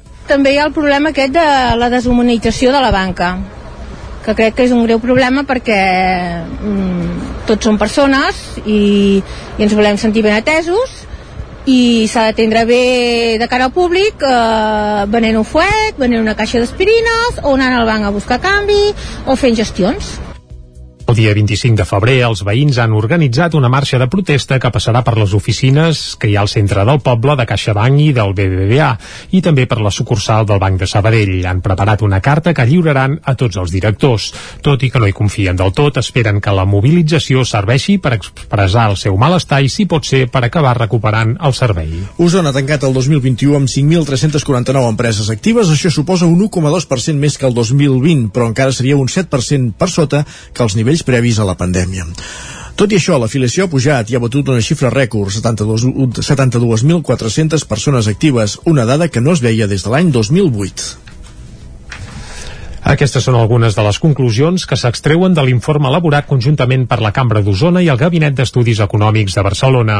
Osona, doncs, ha tancat el 2021 amb el, amb el mercat laboral en xifres històriques, tant pel que fa a llocs de treball com a persones afiliades. Concretament, la comarca compta amb 72.478 llocs de treball, la xifra més alta des del 2008, i amb 73.354 persones afiliades a la Seguretat Social, també xifra rècord des del 2012. Això indicaria diria que Osona és una comarca que no és dormitori. Aquest comportament contrasta, però, amb la recuperació del teixit empresarial, que se situa al voltant de les 5.349 empreses, un 7% menys que abans de la Covid. Pere Ententes és el president de la delegació a Osona de la Cambra de Comerç. El llibre de llocs de treball, ja us dic, eh, segueix la tònica de Catalunya, però podem estar molt satisfets perquè actualment tenim eh, 72.000 llocs de treballs a Osona directes. Què vol dir? O sigui, eh, feina directa a Osona. Vale? Per tant, són uns valors molt elevats, són uns valors molt més elevats que, que inici de pandèmia. Inici de pandèmia teníem 68.000 afiliats aproximadament i ara en tenim 72.000 afiliats. Per tant, vol dir una cosa, vol dir que estem 4.000 eh, afiliats més que els afiliats que teníem al desembre del 2019. Això és per dos factors, un perquè ens hem recuperat de, de, de, de la pandèmia del Covid i l'altre és perquè també eh, tenim més població activa que a inici de pandèmia. En els darrers mesos haurien augmentat les afiliacions fins a un 3,9% respecte a l'any anterior. Amb tot, l'informe apunta que el mercat de treball comarcal està tenint una recuperació lleugerament inferior a la registrada pel conjunt de Catalunya. Pel que fa als treballadors autònoms, l'afiliació seria un 0,9% inferior a la que hi havia el 2019. Per grans sectors econòmics, el nombre d'autònoms ha crescut a la construcció i els serveis, mentre que la indústria i el sector primari ha disminuït. Per ententes nombre d'afiliats per residència és lleugerament superior, són 73.000 llocs de treball, eh, hi ha una diferència de 1.000 llocs de treball, això què ens indica? Ens indica un tema molt positiu, que és que a Osona no és una, un, un lloc, de, un lloc per viure i, i una ciutat dormitori o una comarca dormitori. Ens indica que Osona, doncs, la gent viu i treballa a Osona majoritàriament. Per tant, això eh, eh, diu molt de la comarca d'Osona eh? per tant vol dir que és una comarca dinàmica vol dir que és una dinàmica que, que s'hi viu i treballa i això és important La franja d'edat amb menys afiliacions ha tornat a repetir-se entre els 30 i els 44 anys pel que fa a l'atur també es consolida una tendència decreixent Osona va tancar el quart trimestre amb 7.050 persones aturades la segona dada més baixa des de l'agost del 2008 Malmeten el lampadari de la capella de Sant Miquel dels Sants de Vic. El fan malbé quan el van forçar per intentar robar-ne les donacions. La setmana passada, el lampadari que hi ha a l'interior de la capella de Sant Miquel dels Sants de Vic, just a la casa natalícia del patró de la ciutat, va aparèixer malmès després que alguna persona intentés forçar la caixa de les donacions sense èxit. Segons expliquen des de la congregació, el lladre va sacsejar i colpejar el lampadari i tot i que no va aconseguir emportar-se els diners, el va acabar fent malbé. Quan un creient hi feia una donació, s'encenien una o més espelmes elèctriques en funció de la quantitat de diners que s'hi posaven. A causa de l'acte vandàlic, però, ara no en funciona cap i després de fer-hi una primera reparació s'ha aconseguit que en funcioni una. Des de la capella lamenten l'acció, sobretot pel valor sentimental de la peça i perquè pels fidels fer una donació i que s'encengués l'espelma era una alegria, expliquen. També mostren la seva tristesa pel fet que algú intentés robar unes monedes que van íntegrament a mantenir la capella. En les últimes setmanes, al carrer Sant Miquel de Vic hi ha hagut altres robatoris en garatjos i per aquest motiu veïns i també des de la congregació reclamen més vigilància. El 2019, la Liz Zeneiter va escriure L'arte de perder, un llibre que es va convertir en un fenomen literari sobre els orígens, la identitat i la llibertat de ser un mateix. Aquest llibre va ser el protagonista de l'última tertúlia literària a la Biblioteca Marc de Vilalba de Cardedeu. Núria Lázaro, des de Ràdio Televisió, Cardedeu. Per la Naima, una jove francesa que treballa a una galeria d'art a París, Argèlia és el país on va néixer el seu pare i els seus avis. Durant molt temps ha estat un punt difús al mapa, sense molt d'interès, però a causa dels atemptats a París, la Naima retorna als seus orígens. Raimon Portell, dinamitzador de la tertúlia a la biblioteca. És un llibre molt bo, són tres personatges, allò l'avi, el pare i la filla, i llavors va seguint, o sigui, amb la història, com la història doncs els, els arrossega, no? com es troben doncs, immersos en aquest procés que no són ni d'aquí ni d'allà, i de totes les contradiccions que això comporta. El segon dimecres de cada mes a les 6 de la tarda, des de setembre fins a juliol, es fa la tertúlia literària a la Biblioteca Mar de Vilalba de Cardedeu per ampliar el diàleg i sortir de la solitud de lectura silenciosa.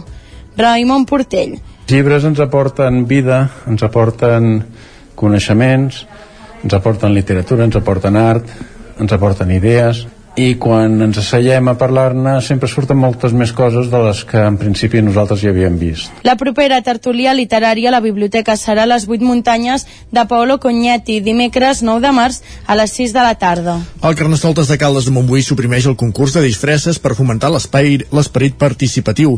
Caral Campàs, des d'Ona Codinenca. El Carnestoltes de Caldes, que ja vam avançar en un butlletí que es celebraria el 26 de febrer, després de la pausa de l'any passat per la pandèmia, comptarà amb algunes novetats. La més destacada és la supressió del concurs de disfresses per tal de fomentar l'esperit participatiu.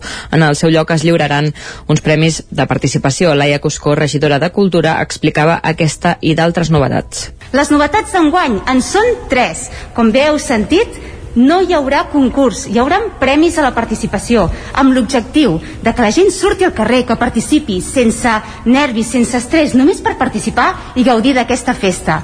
L'altra novetat són els punxadisc fins les 11 de la nit hi haurà música a la plaça de la Font del Lleó per celebrar aquesta festa amb la nova normalitat. I tercer, i molt important, la posada en marxa del protocol contra les violències masclistes en l'oci nocturn.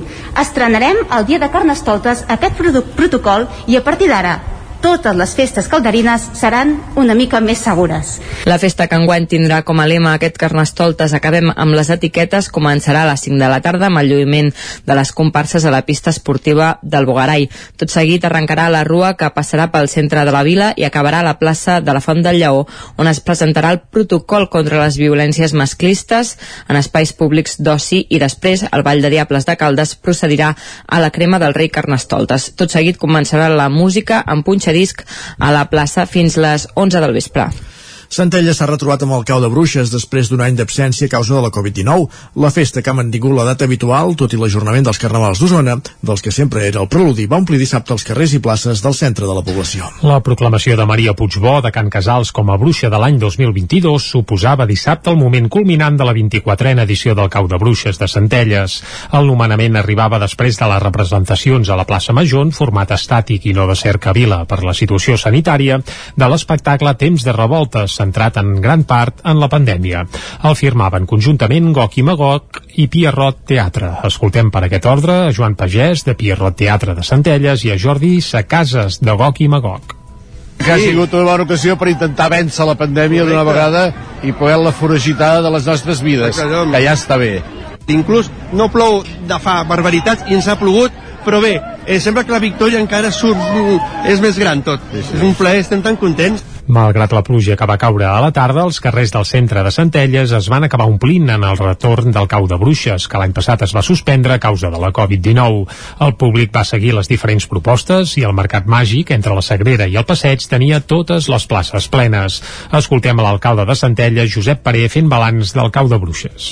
I crec que és molt positiu perquè el cau de bruixes sempre ha tingut molt en compte la part esotèrica, que es tracta des del respecte i que evidentment doncs, hi ha una part molt emblemàtica a l'entorn de la màgia màgia i de la bruixeria i que entenem que dona molta importància. Evidentment hi ha una part més comercial que té molt a veure amb els bars, amb els restaurants i amb les botigues del municipi i com no amb el mercat màgic i també doncs, hi ha aquesta activitat cultural el cau de Bruixes ha mantingut la data habitual, però el Carnaval Santallenc, que era el que encetava les festes de la disbauxa a Osona i que s'havia de fer aquest proper cap de setmana, s'ha ajornat fins al 19 de març.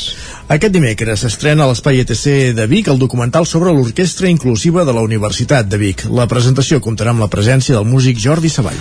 Aquest dimecres a les 7 de la tarda tindrà lloc a l'Espai ETC de Vic la presentació del documental de llarga durada Visca el dimecres, una altra cara de la música sobre l'Orquestra Inclusiva de la Universitat de Vic. La presentació comptarà amb la presència del músic i director Jordi Savall, a més del rector de la universitat, Josep Aladi Baños. El llargmetratge es basa en la història de l'execució d'una sola peça peça des del moment que l'Orquestra Inclusiva de l'UBIC comença a assajar-la fins que arriba l'hora del concert. La peça escollida és la Passarel·la de l'Addio de Nino Rota, que forma part de la banda sonora original de la pel·lícula de Fellini Otto e Mezzo. El director del documental és Miquel Pérez, expert en cinema i exprofessor de la Universitat de Vic, que l'ha enregistrat amb la col·laboració d'Arnau Bernis. El rodatge va començar a l'abril del 2021 i ha anat recollint els diferents moments dels assajos que l'orquestra realitza cada dimecres al migdia a l'aula de música música i darrerament, a causa de la Covid, al pati dels emboirats, a l'edifici Miramarges. L'Orquestra Inclusiva de la Universitat de Vic fa 10 anys que apropa la música instrumental a qualsevol persona que ho vulgui, sense necessitat de tenir coneixements musicals previs, sigui de dins o de fora de la universitat. És un projecte obert a la ciutadania, cooperatiu, multidisciplinari i transgeneracional que practica els valors de la solidaritat, l'esforç i el compromís. Va començar amb una trentena de persones i ara actualment arriba a la cinquantena. Entre les seves files hi ha estudiants, personal d'administració i serveis, professorat, investigadors, persones jubilades, persones en diversitat funcional i fins i tot infants. Un cop vist el documental hi haurà un cinefòrum. L'entrada és gratuïta fent reserva prèvia a etcvic.cat. Passa un minut d'un quart de 10 d'un quart d'onze del matí al territori 17 acabem aquest repàs informatiu que començàvem a les 10 en companyia de Jordi Sunyer, Núria Lázaro, Caral Campàs i Isaac Muntades i anem a conèixer la previsió meteorològica.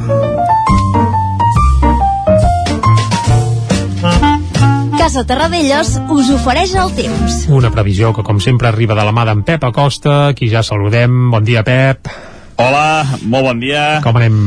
Aquest petit front que ens ha creuat mm. també ha fet eh, que baixessin les temperatures. Una Aquesta mica, sí. nit ha glaçat sobretot alta muntanya, no hi ha inversió tèrmica i les temperatures són més baixes a les muntanyes que no pas a les fondalades mínimes que han arribat a 7, 8, 9 sota 0 a alta muntanya eh, també ha glaçat a, a algun poble, ciutats cap a Osona, Mollanès, Ripollès glaçades poc importants de 1, 2 sota 0 res a veure amb les glaçades importants que hi ha avui a l'alta muntanya uh mhm. -huh. i eh, però això és història, com deia això és història, el front ja ha passat i torna, torna aquesta estabilitat, eh, torna aquesta falca anticiclònica, és que no hi ha, no hi ha manera de que, de que plogui, eh, ni molt menys, eh. Uh, aquest matí, més fred, com deia, ens hem de una mica més, però uh, de seguida la temperatura comença a pujar, hi ha bastantes més hores de, de, de sol, hi ha bastantes més hores de dia i la temperatura màxima avui pujarà, ja que no hi haurà ni núvols ni precipitacions durant tot el dia. màximes entre els 15 i els 18 graus a l'espera d'una pujada bastant més important durant els pròxims dies. Els pròxims dies la temperatura mm -hmm. pujarà d'una manera força més clara. I atenció també eh, el vent avui, aquest matí encara bufarà, moderat a les cotes metres del Pirineu, mica en mica anirà desapareixent i eh, la situació tornarà a ser molt més tranquil·la. I poca cosa més a destacar. A la tarda una, uns núvols prims, mm. alts, però ni de bon tos plourà, ni cap precipitació, ni, ni, ni res, eh? Vull dir, eh, serà un dia avui molt, molt tranquil, eh, torna l'anticicló, torna la tranquil·litat i les temperatures pujaran. Doncs Moltes gràcies i fins demà. Bon dia. Bon dia. Ja ho tenim, això. Avui no hi haurà pluja, segons el Pep Acosta. Ja ho va fer prou avui. Exacte. Bueno, si més no va ser intens. Curt, però intens. Sí, en alguns llocs amb pedra i tot, a més a més. Exacte. Uh, anem cap a l'entrevista, som-hi. Anem-hi. Casa Tarradellas us ha ofert aquest espai. Territori 17. Envia'ns les teves notes de veu per WhatsApp al 646 079 023. 646 079 023. WhatsApp Territori 17.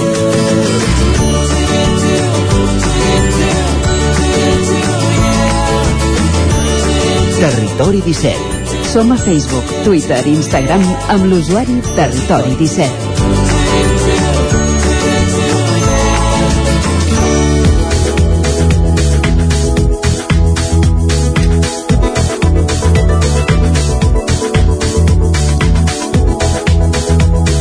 Aquest dilluns es va presentar oficialment, després d'un exitós període de proves, la llet terra i tas de vaquers plana de vi, que es distribueix als supermercats als establiments del grup Bon Preu. Se'n van envasar 26.000 litres amb la intenció que hi hagués llet per 3 mesos i va durar 3 setmanes. Això va ser la prova pilot. Finalment, dijous, Bon Preu decidia tirar endavant el projecte. En parlem tot seguit amb Joan Sabartés, director d'operacions del grup Bon Preu. Joan, primer de tot, eh, què és el que ha fet allargar aquest període privot, eh, pilot, diguéssim, què és el que ha fet madurar aquesta decisió final fins a ara, que s'ha anunciat aquesta setmana?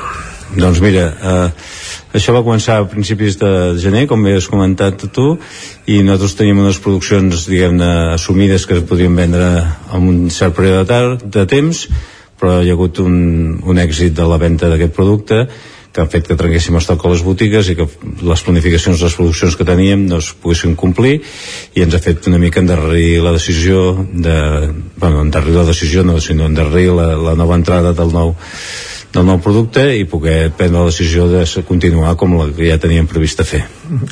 comentàveu sobretot que l'última paraula la té el consumidor i amb això has estat molt, molt incisiu diguéssim.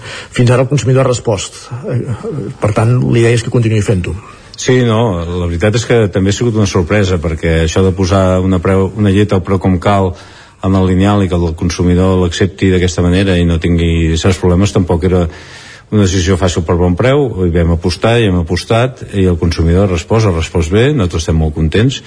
Mm, nosaltres el que, el que creiem és que ens devem al consumidor per tant ell té l'última paraula amb tot el que posem nosaltres en el lineal i en aquest cas doncs, així ha estat hem complert i nosaltres seguim complint fent més tirades de la llet i posant més llet d'aquest terra i tast amb aquest plana de Vic en el mercat. Per què no és una decisió fàcil? Home, perquè normalment eh, tothom està pensant quan parla d'alguns productes molt bàsics eh, la gent reclama més aviat preu que no pas eh, la qualitat del producte i en aquest cas doncs, ens ha sorprès que el consumidor prengués la decisió d'un consum de proximitat de quilòmetre zero i a un preu que no és el preu que estem acostumats a veure les llets en els lineals. D'alguna manera, eh, des de Baquers Plana de Vic es parla de, de canvi de paradigma pel fet que ramaders i distribució negocieu directament sense passar per la indústria. Teniu algun temor, diguéssim, que la indústria no, no accepti bé aquesta, aquesta proposta, aquest producte?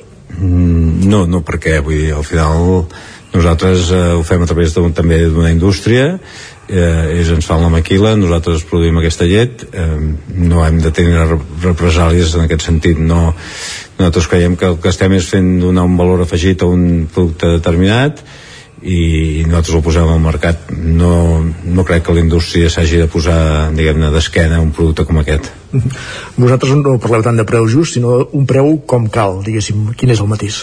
Sí, el, el matís del preu just i el preu com cal és que el preu just no sabem pas eh, ningú quin és, eh? perquè cada flotació té els seus lineals, té els seus escandalls de costos, la indústria també té el seu escandall de maquila i nosaltres evidentment també tenim el nostre escandall i això vol dir que nosaltres diem que és una, una llet a preu com cal perquè en aquest cas tots ja, tots ja estem satisfets tant el, els tres grons de la cadena que participem en aquest producte mm, doncs tenim la satisfacció d'haver fet una cosa a un preu que tots ens guanyem suficientment la vida com per estar en el mercat i no tenir-hi problemes i el que és més important des del meu punt de vista donar continuïtat a totes les explotacions ramaderes de la comarca que estan fent aquesta llet i que nosaltres hi apostem per, per com, també una mica també com a compromís social no?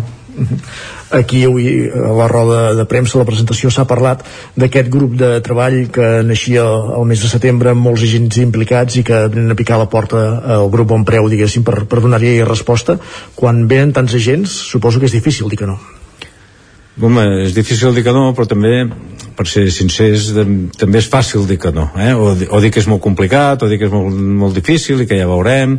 Jo crec que aquí mm, hi ha l'aposta continuada que té el grup Preu pels productors del país, no? no només a la comarca, sinó a tot Catalunya, i ho podem veure, també ho he comentat a la roda de premsa, doncs amb les pomes de Lleida, pomes de Girona, amb diferents marques de cervesa, amb diferents deos de, de vins, amb l'oli del Priorat, l'oli de l'Empordà, per tant, eh, nosaltres ja tenim aquest tarannà d'intentar ajudar la, totes les empreses agroalimentàries del país, per tant, aquí ens, ens venia un repte important a sobre, jo crec que hi vam apostar, ens ha sortit bé, i per això tenim aquesta dita al mercat i, mira, i intentarem que els, que els consumidors hi creguin tant com nosaltres.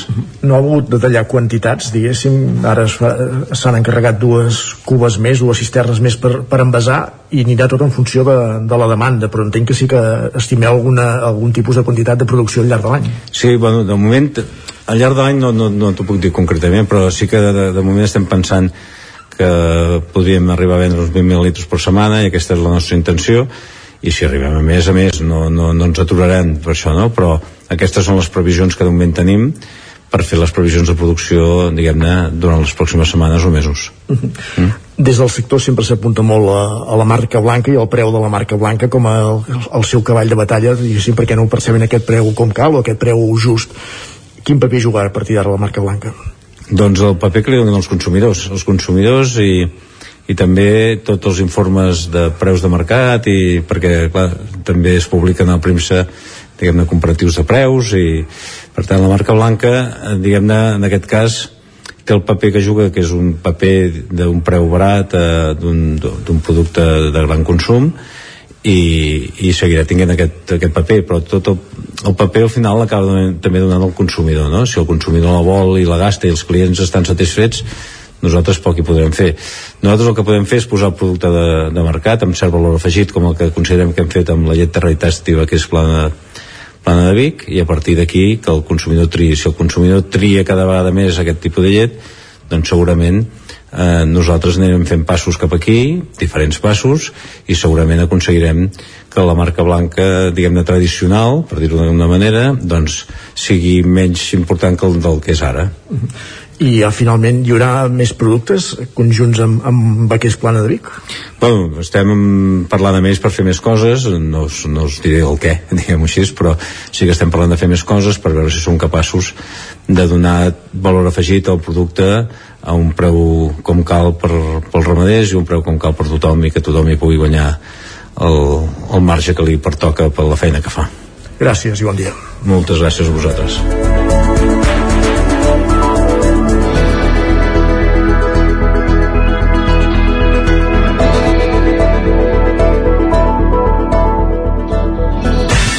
El nou FM, la ràdio de casa, al 92.8. Cefusol, centre de formació de soldadura GURB. Som especialistes en processos de soldadura. Disposem d'instal·lacions totalment equipades per a classes de teòrica i pràctica amb cabines individuals i equipaments de seguretat. Assessorem empreses i oferim cursos subvencionats i bonificats. Vine i t'informarem. Cefusol, som al carrer Sant Roc, número 9 de GURB. Telèfon 664 206 192. També ens trobaràs a cefusol.com i a YouTube. A la rostisseria El Plat ens agrada la cuina de sempre, la de les àvies i de les mares, la cuina feta amb paciència com s'ha fet tota la vida. Vine a provar els nostres canelons gruixuts o els croquetons, les nostres croquetes de 80 grams, i recupera el gust del pollastre a com els que es menjaven abans. Ah, i aprofita, fins a finals de febrer, 20% de descompte en els canelons i el pollastre. Rostisseria El Plat, encàrrecs fins a les 12 del migdia i servei a domicili. Ens trobaràs de dijous a diumenge al carrer Església número 6 de Taradell o al 93 135 58 85. Cobertes serveis funeraris. Els nostres tanatoris estan ubicats en els nuclis urbans més poblats de la comarca d'Osona per oferir un millor servei. Tanatori de Vic, Tanatori de Manlleu, Tanatori de Centelles i Tanatori de Roda de Ter. Sabem que són moments difícils i per això el nostre compromís és atendre-us en tot moment amb un tracte humà, sensible i respectuós. Cobertes serveis funeraris. Telèfon 24 hores 93 883 23 46. Gràfixer, el seu proveïdor global en retolació i impressió digital. Oferim servei de disseny, producció i instal·lació de qualsevol projecte en retolació industrial i comercial. Rètols corporis, senyalització preventiva, senyalització viària, senyalització interior de naus, vinils decoratius per a oficines i establiments comercials, retolació de vehicles... Confia en els serveis que li pot oferir Gràfixer. Ens trobarà al carrer Lleida 39 de Vic o a gràfixer.com. Cocodril Club.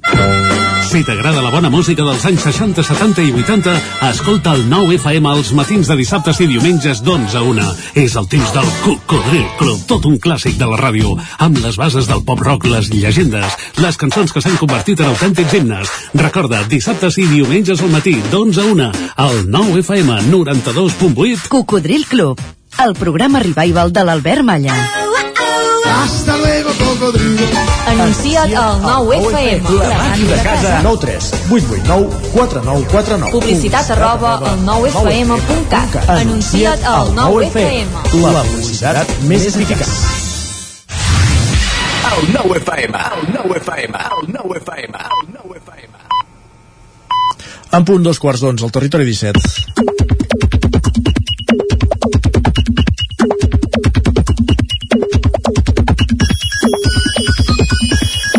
Aquesta hora, Isaac, ja tenim a punt en Guillem Sánchez, que cada dia ens ve a visitar quan arribem a l'equador del territori 17 per treure una mica de, de punta a un seguit de piulades que ja té a punt. Guillem, bon dia, eh? Bon dia, què tal, com estem? Bé, nosaltres fantàsticament bé. Vos també, sí? Sí, sí, sí, i molt animat avui. Ah, sí? Ah, animat perquè torna, torna al futbol i torna a la Lliga, la Lliga de Campions. Ep, Ah, val, torna al futbol Ah, però aquesta competició juga? encara? Sí, sí, sí, es veu que sí. I a l'Europa League, per cert, on juga un equip que coneixem Dijous, bé, quan dijous, també dijous. torna... Ah, dijous, val, és que Dijous. vaig una mica perdut, eh, futbolísticament No, parlant. tant, ja ens va, ens va millor perquè divendres podrem seguir parlant de, de futbol i no només fer-ho dimarts i dimecres amb la Champions, sinó també allargar-ho fins al, fins al divendres. Vull dir que estava... Bé, estava... i ara he refrescat la memòria i em sembla que ve un PSG Real Madrid que farà Correcte. que molts que tampoc tenim cap simpatia per aquest club de París, doncs d'aquesta setmana uf, portem la Torre Eiffel al cor, eh, tots. Yeah. Doncs va, ahir la, la Paula ja ens feia aquesta prèvia, ens Bé, tots no, l'Isaac Muntada segur que no, eh? Bé, La Paula ens feia ahir a la prèvia que ens deia Sant Valentí és això que passa mentre esperem que el Madrid jugui la Champions. De fet, eh, molts teníem ja ahir nervis per al partit d'aquest d'aquest vespre. Ah, sí? Teníem? Uh, tot i sí, sí, sí? sí, sí, sí. Quan s'ha de... Potser Montades li interessi que l'Mbappé ho faci bé, eh? Sí, també, també. També pot ser, no es descarta. De fet, algú feia la següent pregunta per xarxes, deia estic més entusiasmat pel PSG Real Madrid que pel Barça Nàpols. A vosaltres també us passa? No. No? Bé, diguem que la passió no seria ni per un ni per l'altre. ara L'adjectiu mateix, no és el que eh? Defineix millor la situació. El segon usuari, com dèiem, segur que no li passa, ens diu passo de, passo de veure el PSG Real Madrid perquè li tinc tant d'asco al Madrid que acabaré desitjant que marqui en Messi i em nego a celebrar un gol del club aquest dopat amb diner que tarí on a més i juga en Sergio Ramos. Per tant, aquest Vols dir que juga gaire en Sergio Ramos? Però bé, Pot- potser s'hauria de, de canviar el jugar per yes bé en teoria cobra d'aquest club, això és cert, sí. per tant segurament aquest usuari s'haurà de posar una pel·lícula, una sèrie o simplement anar a dormir a l'hora que facin el, O que miri el nou TV. per exemple. Per exemple. Per exemple. Doncs va, esperant el resultat d'aquest partit, canviem de tema. Aquest dilluns parlàvem també dels efectes del retorn de l'oci nocturn i avui en volem destacar encara alguna pilada més. És la de la Clara que ens escriu en, sí, podria ser, diu, excel·lent cura d'humilitat que el malestar per la ressaca de divendres encara tingui efectes avui, diu, lliçó apresa. També m'agradarà veure la pròxima lliçó apresa si, si realment així o, Bé, cal dir que a l'hora de sortir també l'entrenament també hi fa, eh? Sí? És a dir, quan fa molt que no ho fas, eh, la ressaca és superior. Quan vas embalat i entrenat, eh, fluixa una mica. Això és com, com tot. de fet també Sí, ho, ho, ho puc dir per experiència, eh, entre cometes. Esperava aquesta frase, Jordi, Va, i, li, i li responen a ella mateixa, diu, real, no entenc com fa 3 anys encara podia sortir de festa, empalmar i anar a classe i ara la ressaca em dura dos dies com a mínim. Potser és per això. Clar, Potser és per això que deia falta Jordi. pràctica, entreno. Doncs va, entrem a fer una mica de joc d'imaginació per xarxes, ens escrivien el següent missatge, ens diu, ens agradaria, m- perdó, diu, m'agradaria aquí un partit polític tipus Teruel Existe o Soria Ja. Diu, aposto per Lleida What the fuck. No sé si us vindria algun nom així eh, random d'algun partit que es pogués crear per aquí a la comarca o per algun municipi que agafés l'estela d'aquestes denominacions. Ens n'han proposat algun, eh? Ja, ja. Ah, doncs va, anem per aquí. Eh? Per va. exemple, Endavant la Conca, Ara Selva, Som Pla d'Urgell, Baix Ebre Somi, Units per l'Alta Ribagorça, Girona Rai o Ara Boira. No sé si el d'aquí la comarca hauria de ser aquest últim, un Ara, ara Boira, per tenint en exemple. compte el canvi climàtic no tindria gaire futur aquest, eh? perquè cada vegada n'hi ha menys de boira. Doncs va, la política en general és complicada, però també ho és la vida real, si no ho exemplifica la Lura en el següent missatge, ens diu, agafant el mòbil m'ha caigut l'entrepà a terra i agafant l'entrepà que m'ha caigut? A terra? El mòbil. El mòbil. Correcte, diu, les 11 i 11 la vida és molt meravellosa. és que no es poden fer tres o quatre feines alhora eh? si més no nosaltres li donem tot l'escalf possible en aquesta usuària i que si més no el, el segon dia no porti ni entrepà ni, ni mòbil a les, a les mans al mateix temps Esmorzar no ho sabem, piular ho ha pogut fer, per tant el mòbil encara està bé. i per tancar el tema de Sant Valentí només una aportació més, la que ens feia ahir també l'Eric, diu, m'ha agradat la seva reflexió final ens escrivia, un alumne se m'acosta al final de la classe, sabent de la meva, de la meva vocació em demana Eric, quina pel·lícula em recomanes per veure avui a la tarda amb la meva xicota? Diu, li faig un llistat sense voler saber les seves intencions amb una frase final. Diu, demà em dius si n'has acabat alguna. de pel·lícula De pel·lícula. molt bé doncs eh, ens ho podria plantejar demà i de deures eh, ens ho resols o què? Mirarem si ha fet alguna pilada més i si ha, si ha acabat de, de, de completar aquesta història. I us en recordeu que hi vam parlar durant la secció que no portéssiu mai les claus quan anàveu a tirar les Oh, i tant, escombraries? i tant Doncs avui i també vam tenir clar que la gent que tenim el porta a porta aquest problema, doncs, eh, goita, un avantatge més que té el porta a porta Doncs per acabar, avui seguirem amb les reflexions al voltant dels residus i de tota aquesta problemàtica. Ens escriuen, vosaltres, quan feu el nus final a la bossa de les escombraries, també teniu clar que pel foradet que hi queda acabareu fotent de més un iogurt, una capsa de galetes o una paella ratllada, oi? Sí, I això em passa. però A la mateixa bossa no, a la mateixa bossa no, eh? Clar. Home, i el forat hauria, hauria de quedar el forat molt gros perquè hi passi una paella. eh? Uh, bé, l'Isaac he vist que sí que li passa, eh? Jo ho faig, si vols. He arribat a desfer el nus a vegades, fins i tot, eh? Molt ben fet, molt ben fet. Doncs va, estarem pendents del futbol avui i demà ens en farem ressò segur a la, a la secció un altre cop. Va, doncs demà parlem de futbol i tant de bo sigui amb algun gol de, de Messi. Correcte. Sí, va, vinga. I amb gol de Messi o sense, el que farem ara és un cop d'ull a les portades del Imagines un 99.cat. gol de Ramos al 94, allò, el, el 90 Ramos que deien Si és, si és per fer l'1-0, sí, si és per fer l'1-5 ja... Ah, no, no, aquest no cal. El celebraria en Sergio Ramos o què? Segur que sí. Sí, no? Si va dir que no marxaria mai a un club que jugués contra una mateixa competició que el Madrid o així, ja que van anar al PSG, això... Bé, bé, ja veig que avui hi haurà caliu, hi A haurà muntades, caliu. a muntades ens apunta que està lesionat i no jugarà, però vaja, en fi. És igual, això... Està bé. Això es pot arreglar. Va, Molt bé, va, uh, vinga, ara sí, va, anem a les portades del 99.cat abans d'anar cap a la taula de redacció que ja tenim en Guillem Freixa aquí frisant i comencem pel 99.cat d'Osona i el Ripollès ara mateix obre explicant que els veïns de Fuent Santa de, de Ripoll votaran el proper 19 de febrer, que és aquest diumenge, per rebatejar, no, aquest dissabte, perdó, per rebatejar el barri i esborrar el nom franquista. També ens sentim maltractats per les entitats bancàries. Avui hem obert Territori 17 parlant precisament d'aquest grup de jubilats del barri de Montserrat de Torelló que critiquen que les sucursals bancàries hagin deixat al barri. Més informació en Joan Sabartés de Bon Preu, que l'hem tingut avui a Territori 17, situa l'èxit de la llet terra i tast en la resposta del consumidor, i això fent referència a la presentació ahir d'aquesta nova marca de llet que es va fer a l'Ajuntament de Vic. Anem cap al 99.cat del Vallès Oriental, que ara mateix explica que l'ampliació d'urgències de l'Hospital de Mollet començarà dilluns que ve. També denuncia una sindicalista de Mollet per qualificar un accident laboral d'assassinat i els CAPs van fer 53.000 atencions de Covid en només dues setmanes en el pic de la sisena onada, 53.000 atencions, aviat és dit. Gràcies Jordi, acabem el, aquest espai dedicat al món digital i entrem a la taula de redacció.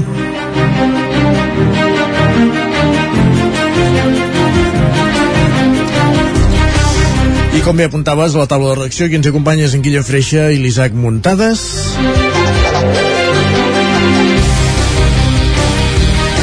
Guillem, parlem de dèficits de serveis en l'àmbit de l'habitatge. Bon dia. Molt bon dia. Doncs eh, sí, parlem del que podem considerar els habitatges de, de primers auxilis, habitatge d'emergència social, l'administració pública catalana que considera diversos escenaris d'emergència econòmica i social vinculats al dret de, de l'habitatge. Entre les eh, casuístiques que recullen en aquest apartat en destaquen, per exemple, les situacions derivades d'un procés de desnonament, l'atenció als menors d'edat, a la gent gran o, o a qualsevol persona en un moment de desemparament, així com també l'atenció a dones eh, que perden un lloc de residència per un escenari o per un moment de violència masclístia. A tots ells eh, tenen, eh, poden recórrer a aquest recurs d'habitatges d'emergència social en el cas de Vic, aquest eh, recurs ara mateix compta amb sis pisos, eh, sis habitatges on es pot recol·locar aquestes eh, persones, com dèiem, eh, sempre eh, són escenaris um, d'emergència, per tant una situació sobrevinguda um, que no s'esperava i també temporal. En el cas d'aquests uh, sis pisos, normalment el temps d'estada que hi passen les persones que, que hi acaben anant a, a residir és entre un i tres mesos i durant aquest període de temps eh, des de la regidoria de Benestar i Família ens explicaven que el que fan és una atenció directa perquè l'objectiu és que n'acabin marxant i que ho acabin fent d'una manera eh, empoderada amb eh, recursos per poder tornar a fer una vida autònoma dèiem això, eh? aquests eh, sis eh, pisos i una de les novetats recents d'aquest inici d'any és que des de l'Ajuntament de Vic eh, s'està adaptant un espai al barri dels eh, Caputxins de, de Vic per generar més eh, pisos per a aquest recurs per a emergència eh, social. Eh, ens explicaven que no serien pisos convencionals, que, sinó que serien més aviat uns apartaments, uh -huh. perquè anirien molt focalitzats a, a un perfil concret de persones. Ara es troben que en els eh, sis pisos que ja tenen en, en propietat l'Ajuntament de Vic, de Vic doncs hi conviuen eh, perfils familiars molt diferents. Això, eh, des de famílies que han estat desnonades, per tant, amb, amb pare, mare, nens, eh, nenes, fills petits, també eh, dones que han patit violència masclista i que se les ha de, de reubicar allà, homes eh, sols que han passat per una situació convulsa en la vida i que també han acabat eh, en aquests pisos, per tant és una, una mica una amalgama de, de, de perfils i el que es farà en aquests habitatges o en aquests apartaments que es volen crear és destinar-hi uh, aquestes persones soles, des de famílies monoparentals fins a això, eh, homes uh, el perfil d'home que després d'un procés de, de, de pèrdua laboral doncs acaba al límit del sensellerisme uh, se'ls reubicarà en aquest espai perquè se'ls hi podrà oferir doncs eh, d'una banda un apartament amb les característiques adequades que els hi oferirà també la intimitat, se'ls hi podrà fer el seguiment correcte i es deixarà espai en els pisos per encabir-hi doncs, eh, en principi nuclis familiars uh -huh. més, més eh, extensos um, dèiem això, eh, aquests eh, espais, aquests nous eh, apartaments estaran eh, formats d'una banda pels apartaments que tindran una composició eh, força simple, amb una sala d'estar amb una cuina completa, amb un bany complet i sí que hi haurà uns espais comunitaris per, per poder fer eh, doncs, treballs amb aquestes persones que resideixen en aquest, en aquest eh, lloc i també eh, doncs els electrodomèstics, els grans electrodomèstics com la rentadora, eh, els rentaplats per fer eh, les eh, feines del, del dia a dia. Parlem d'aquests recursos de, de nous apartaments a la ciutat de Vic i també en aquest inici d'any el que s'ha fet és eh, repensar l'alberg social de Vic eh, en un principi estava molt pensat per persones eh, sense llar, per passavolants que arribaven a la ciutat de Vic ens explicaven des de la regidoria de Benestar i Família que ha anat canviant el, el perfil, que aquestes persones que passaven i marxaven després d'un dos dies a la ciutat, doncs cada cop busquen més un lloc de, de referència per quedar-s'hi, i això ha fet repensar aquest eh, servei. D'una banda, s'amplia l'horari d'atenció, a partir de les 5 de la tarda ja poden dirigir-se en aquest alberg eh, social, abans es limitava molt als vespres i, i nits, i també s'incorpora un terapeuta ocupacional per detectar doncs, potencialitats en l'àmbit laboral d'aquestes eh, persones, fer un treball també eh, més intens amb elles i l'objectiu és intentar eh, doncs, recuperar eh, aquestes persones perquè puguin tornar a tenir autonomia, puguin mm. trobar una feina, eh, doncs una ocupació durant el, el dia i, i puguin eh, tornar a, a la seva vida vida convencional. Reinserir-los. Sí, eh, seria un, una mica aquests els, els diversos recursos de, de primers auxilis que hi ha a la ciutat de Vic. Perfecte, Guillem, moltes gràcies. Un apunt només, Sí. abans eh, amb les piulades, en, en Jordi i en Guillem parlaven de- d'aquest partit d'avui entre el Madrid Sí. i el PSG. Mhm. Tu estaràs més atent a aquest, el de dijous entre el Barça i el Nàpols? No, jo crec que amb el Barça i el Nàpols segur que, que hi estaré atent i el d'aquest vespre jo crec que per al morbo i per no, sempre l'interès de veure si perd el Madrid uh, sempre hi ha de ser T'atreveixes a fer una porra o no tu? Mm. Perquè en tinc un aquí que ja l'ha fet, eh? I quin... Que, que, no, M'atreveixo a... a, Hem de, hem de fer sumes i restes, eh? Però diu, diu, diu tre, tre, tres gols d'Mbappé, diu muntades, un d'ells en pròpia porta, Messi fallant un penal a l'últim minut i triplet de Benzema i doblet de Vinícius. Per tant, tres de Benzema i dos de Vinícius són cinc, més un en pròpia porta de l'Mbappé, 6, 6 a 2, diu. Ui, ui, ui. Optimista aquest nano, eh? Sí, home, sí. Muntades, Aquest bon home- dia. Muntades. Hola. Ah, què tal? Bones. 6 a 2, eh? Bé. Estàs desbocat, sí. eh? Exacte. Sí, no, m'he- llançat a la piscina. Aquests partits a la normalment són els piscina, com a qui la guanya bé. piscina o directament a... Tu, escolta, el riu Freser, el Ter, hi hagi junts aigua. i el... Sí, no, no, vés a saber. Potser el torrent de la cabana t'has llançat, eh, que encara està tot congelat i fots una No, patacada. no, que et poden posar multes. Clar, a més a Poden més, posar multes. A mi em Sí, sí, sorprendria sí, sí. molt que avui hi hagués un resultat tan contundent. Jo, eh, tocant una mica No, més, no. me- des de la distància que em dona eh, no sé seguidor de cap dels dos equips, jo veig una cosa més igualada, el típic 2-1, un mm, el típic 1 a 2 no sé, eh? jo crec que eh, o desitjo la victòria del PSG però No, no. eh, Vaya tela, quina tela. Oh, quina tela, esco- jo també, eh? Escolta, jo diria que entre els barcelonautes és majoritari, no cal ni dir-ho, sí. uh, i a més, home, és que hi tenim a Messi, que és patrimoni de la humanitat barcelonista i més enllà Sí, i però no, no juga tampoc, eh? té gastroenteritis, eh? Ah, bueno. té gastroenteritis no, és broma. Va No, no, ahir va dir, sí, nada, juga segur, juga segur i jugarà més motivat que mai, per tant... i tot el que no ha fet en tota la Sí, temporada ho farà avui I ho resumirà avui tot Creu-t'ho. Creu-t'ho. Va, gràcies, Guillem. Adéu. Continuem la taula de redacció en companyia ara sí de l'Isaac Montades. Eh, no per la- parlar de futbol, sí que per parlar del torrent de la cabana, precisament que apuntava en Jordi, per parlar de, Sí. de multes, eh? De multes, de, de multes quantioses, o multes de 1.501 euros. Què, què, Eh, aquest, quina multa et posaria tu, sí? Perquè si és a mitja plaça a Catalunya. Uh, doncs segurament una multa similar probablement, O pitjor. Bueno, potser, po- o pitjor, clar, I, evidentment I l'escarni públic a tots els diaris del món, també te l'emportaries, no pateixis. Eh, Exacte, sí, que de fet eh, una mica d'escarni és el que va rebre l'alcaldessa de Can Demano, que va ser... Això ho hem d'explicar, eh, una mica. va, Això va sí. començar Sí, en el programa del món a rac en una secció que es diu El Contenidor, un, un oient, doncs uh, Sí, és, un programa va de, de, trucar... ra- és un programa de ràdio que es fa l'hora del territori 17, com que la gent ens escolta nosaltres, els hi expliquem què, què van dir perquè ho puguin saber. Digues. Exa- Exacte, sí, sí, sí, es fa a l'hora de, del territori 17. I llavors, doncs, el, el que va passar és que una, una persona, en aquest cas eh, en Jordi, eh, va trucar en aquest programa per explicar-lo que l'havien multat eh, per aparcar al costat, diguéssim, de, de l'aparcament que hi ha a l'entrada de la Font del Carol, encara queda una estona per arribar al torrent de la Cabana, podríem dir que, que un quilòmetre, i ell eh, va, no va poder entrar al pàrquing perquè anava amb una espècie de, de furgoneta que era més alta que un gàlib que hi havia a l'entrada, que era d'un metre 95. Això es feia perquè no hi pernoctin doncs, aquest tipus de, de vehicles, eh, sobretot en, pensant més en autocaravanes, no tant en furgonetes, però la seva era més alta.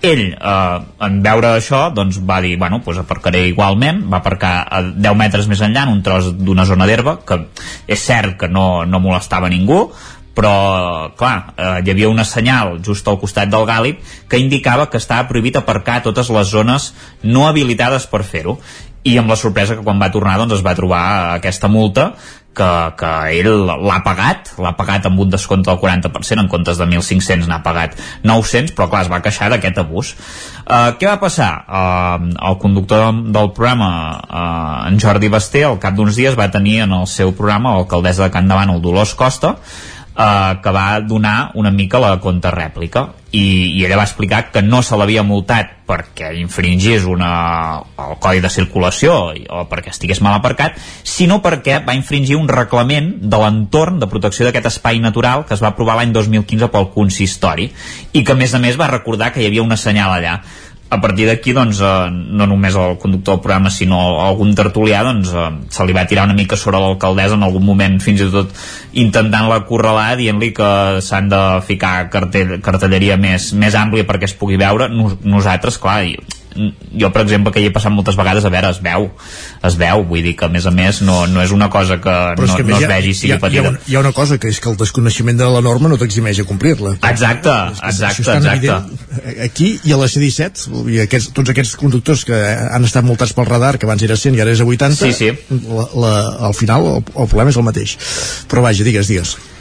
Sí, sí, no, no, això que, que deies, que vull dir que no, no eximeix de complir el desconeixement de- d'una norma i en aquest cas doncs, eh, es pot entrar en el debat de si la multa és molt quantiosa o no, perquè es van posar exemples de que hi ha multes per, de, de 1.000 euros per a conduir ebri, que és menys que, que això, però bé, és el reglament i és, i és el que marca. Ella mateixa va recordar que hi havia sancions de 1.500 euros també per tirar-se sobre la, la, des de dalt de les basses, com, com deia abans en Jordi Sunyer, eh, o de 700 euros per tenir els gossos deslligats. Vull dir que, que bé, ara molta gent, eh, a partir d'aquest d'haver escoltat aquest programa, perquè ha tingut molta viralitat a Twitter, ha estat un debat molt viral, molta gent que ha opinat a favor i en contra de l'Ajuntament de Can de Bànol i realment sabrà exactament doncs, que no, no es pot aparcar allà on, on es vol.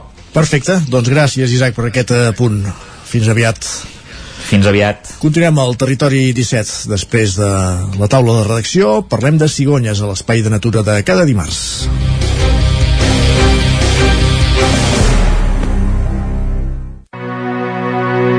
Territori 17. El 9 FM, la veu de Sant Joan, Ona Codinenca, Ràdio Cardedeu, Territori 17.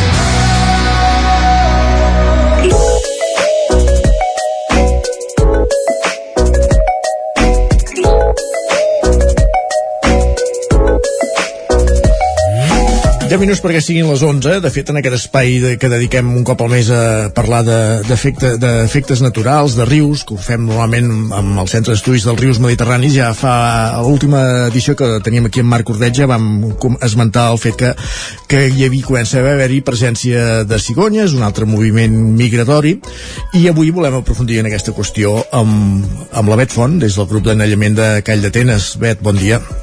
Bon dia. Uh, primer de tot, és això, aquests dies ens hem fixat, ja fa unes setmanes que estem veient cigonyes fent parada a diversos llocs de, de la plana de Vic, de la comarca d'Osona. El primer que et volíem demanar és és època de, de migracions, perquè estàvem més acostumats a fer-ho a, a finals d'estiu i, i més cap a la primavera, no? No, no, és època, és època. És època, perfecte. Sí, sí. Precisament per això va bé de tenir una metodologia eh, concreta i anar, anar seguint sempre eh, apuntant la, la informació perquè això ens permet adonar-nos de si les coses estan canviant o no. Pot ser, ser que canviïn, però, però no, com, no tant com pot semblar en alguns moments. Sempre és eh, des de que prenem mesures, diguéssim, que, que ho estem anotant, que és habitual que les cigonyes comencin a passar a partir del, del gener. Aquí, en aquest moment són les cigonyes que venen de l'Àfrica i que se'n van a criar al centre d'Europa, cert- centre i, i una mica nord d'Europa.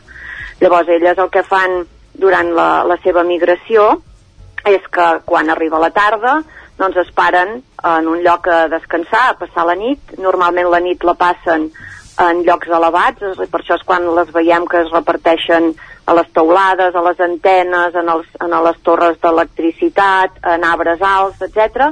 I llavors al matí es tornen a agrupar eh, en un camp, l'altre dia a Manlleu es varen agrupar al riu, però era una imatge que no estem gaire acostumats a veure-la, i després quan comença el sol a escalfar una mica, doncs eh, marxen, aprofiten les tèrmiques, agafen alçada i marxen cap al nord. I a la, eh, això en diem la migració prenupcial, perquè és la que fan abans dels aparellament i de, i de la cria. Llavors, quan al, al centre Europa eh, i a França, per exemple, doncs eh, en els llocs on les cigonyes nidifiquen hi han grups d'ornitòlegs i grups d'anellament que els hi posen en elles el, el niu, en els, en els, en els polls. val? Llavors, eh, a, a, a, quan ha passat la, la cria i els polls ja han crescut, diguéssim, és l'època de tornar cap a l'Àfrica i en diem la, la migració postnupcial, que és la que té lloc a l'agost, setembre, i, De fet, i tant busquen zones més càlides, no?, en aquest moment, per entendre'ns? van a passar l'hivern a zones més càlides i sobretot en zones on tinguin més facilitat per alimentar-se. O sigui, el fet de que vagin a l'Àfrica en part és per la temperatura però sobretot és per l'aliment. D'acord. Per això fan aquesta, aquest esforç de, de fer tants quilòmetres entre eh, Europa i Àfrica eh, doncs segons l'època de l'any. I, I, perdona, Isaac, només la primera pregunta que m'has fet de si era normal, doncs sí, és normal que, que comencin a passar eh, des de principis de gener fins a... mm, Poden, hi ha anys que n'han passat fins a maig.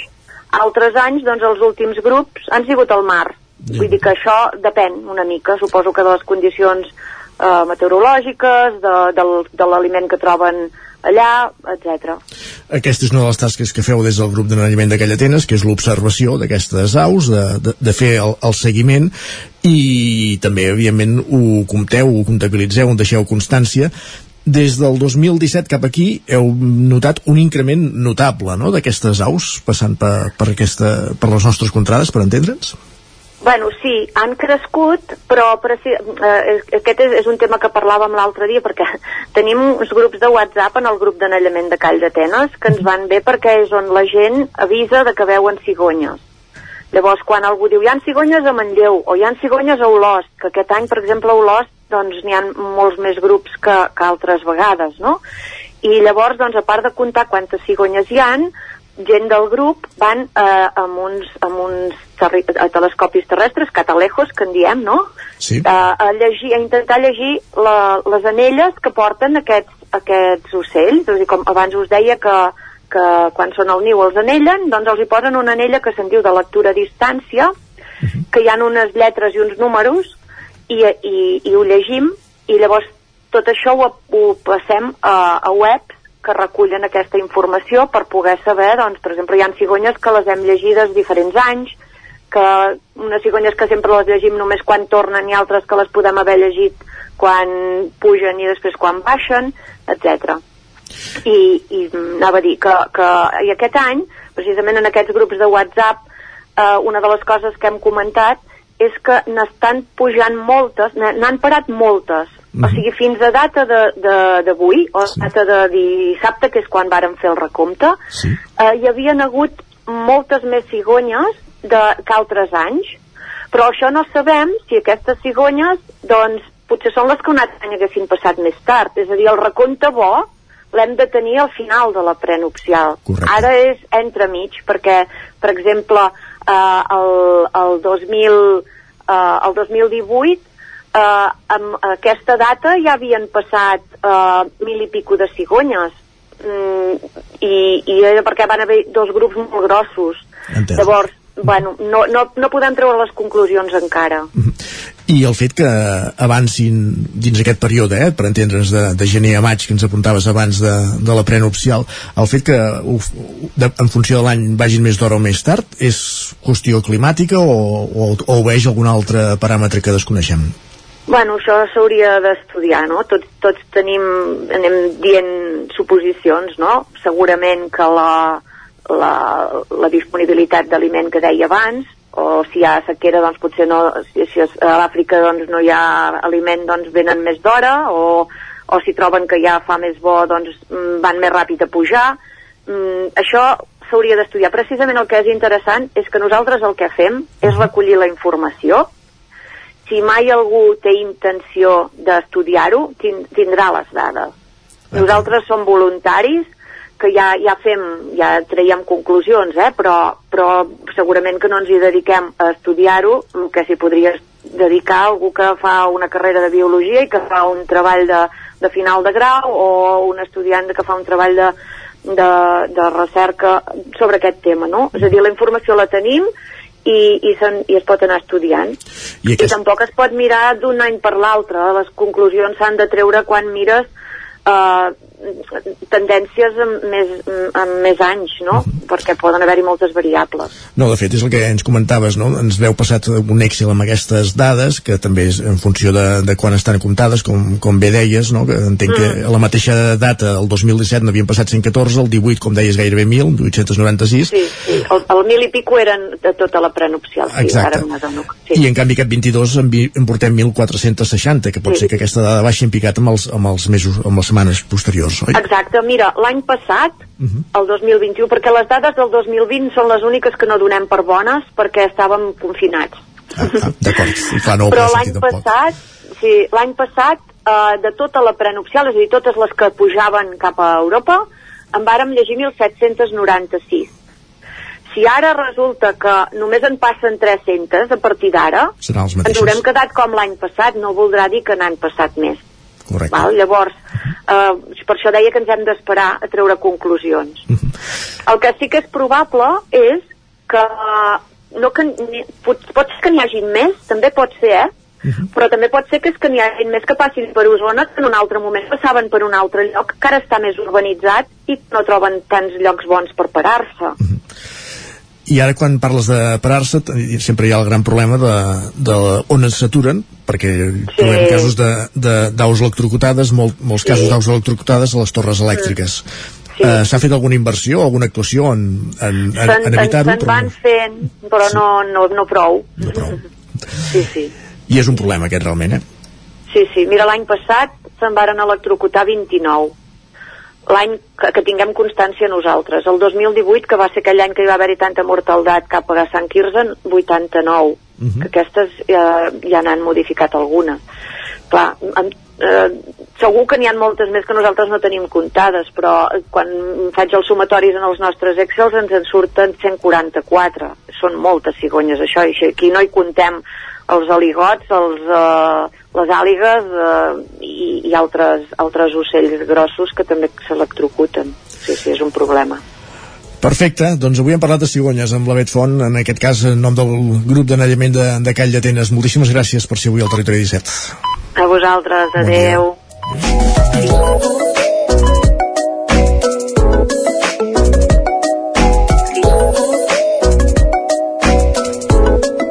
I arribats a aquest punt, el que farem serà actualitzar-nos ara mateix quan, passa un, quan passen 10 segons del punt de les 11 del matí. Territori 17, amb Isaac Moreno i Jordi Sunyer.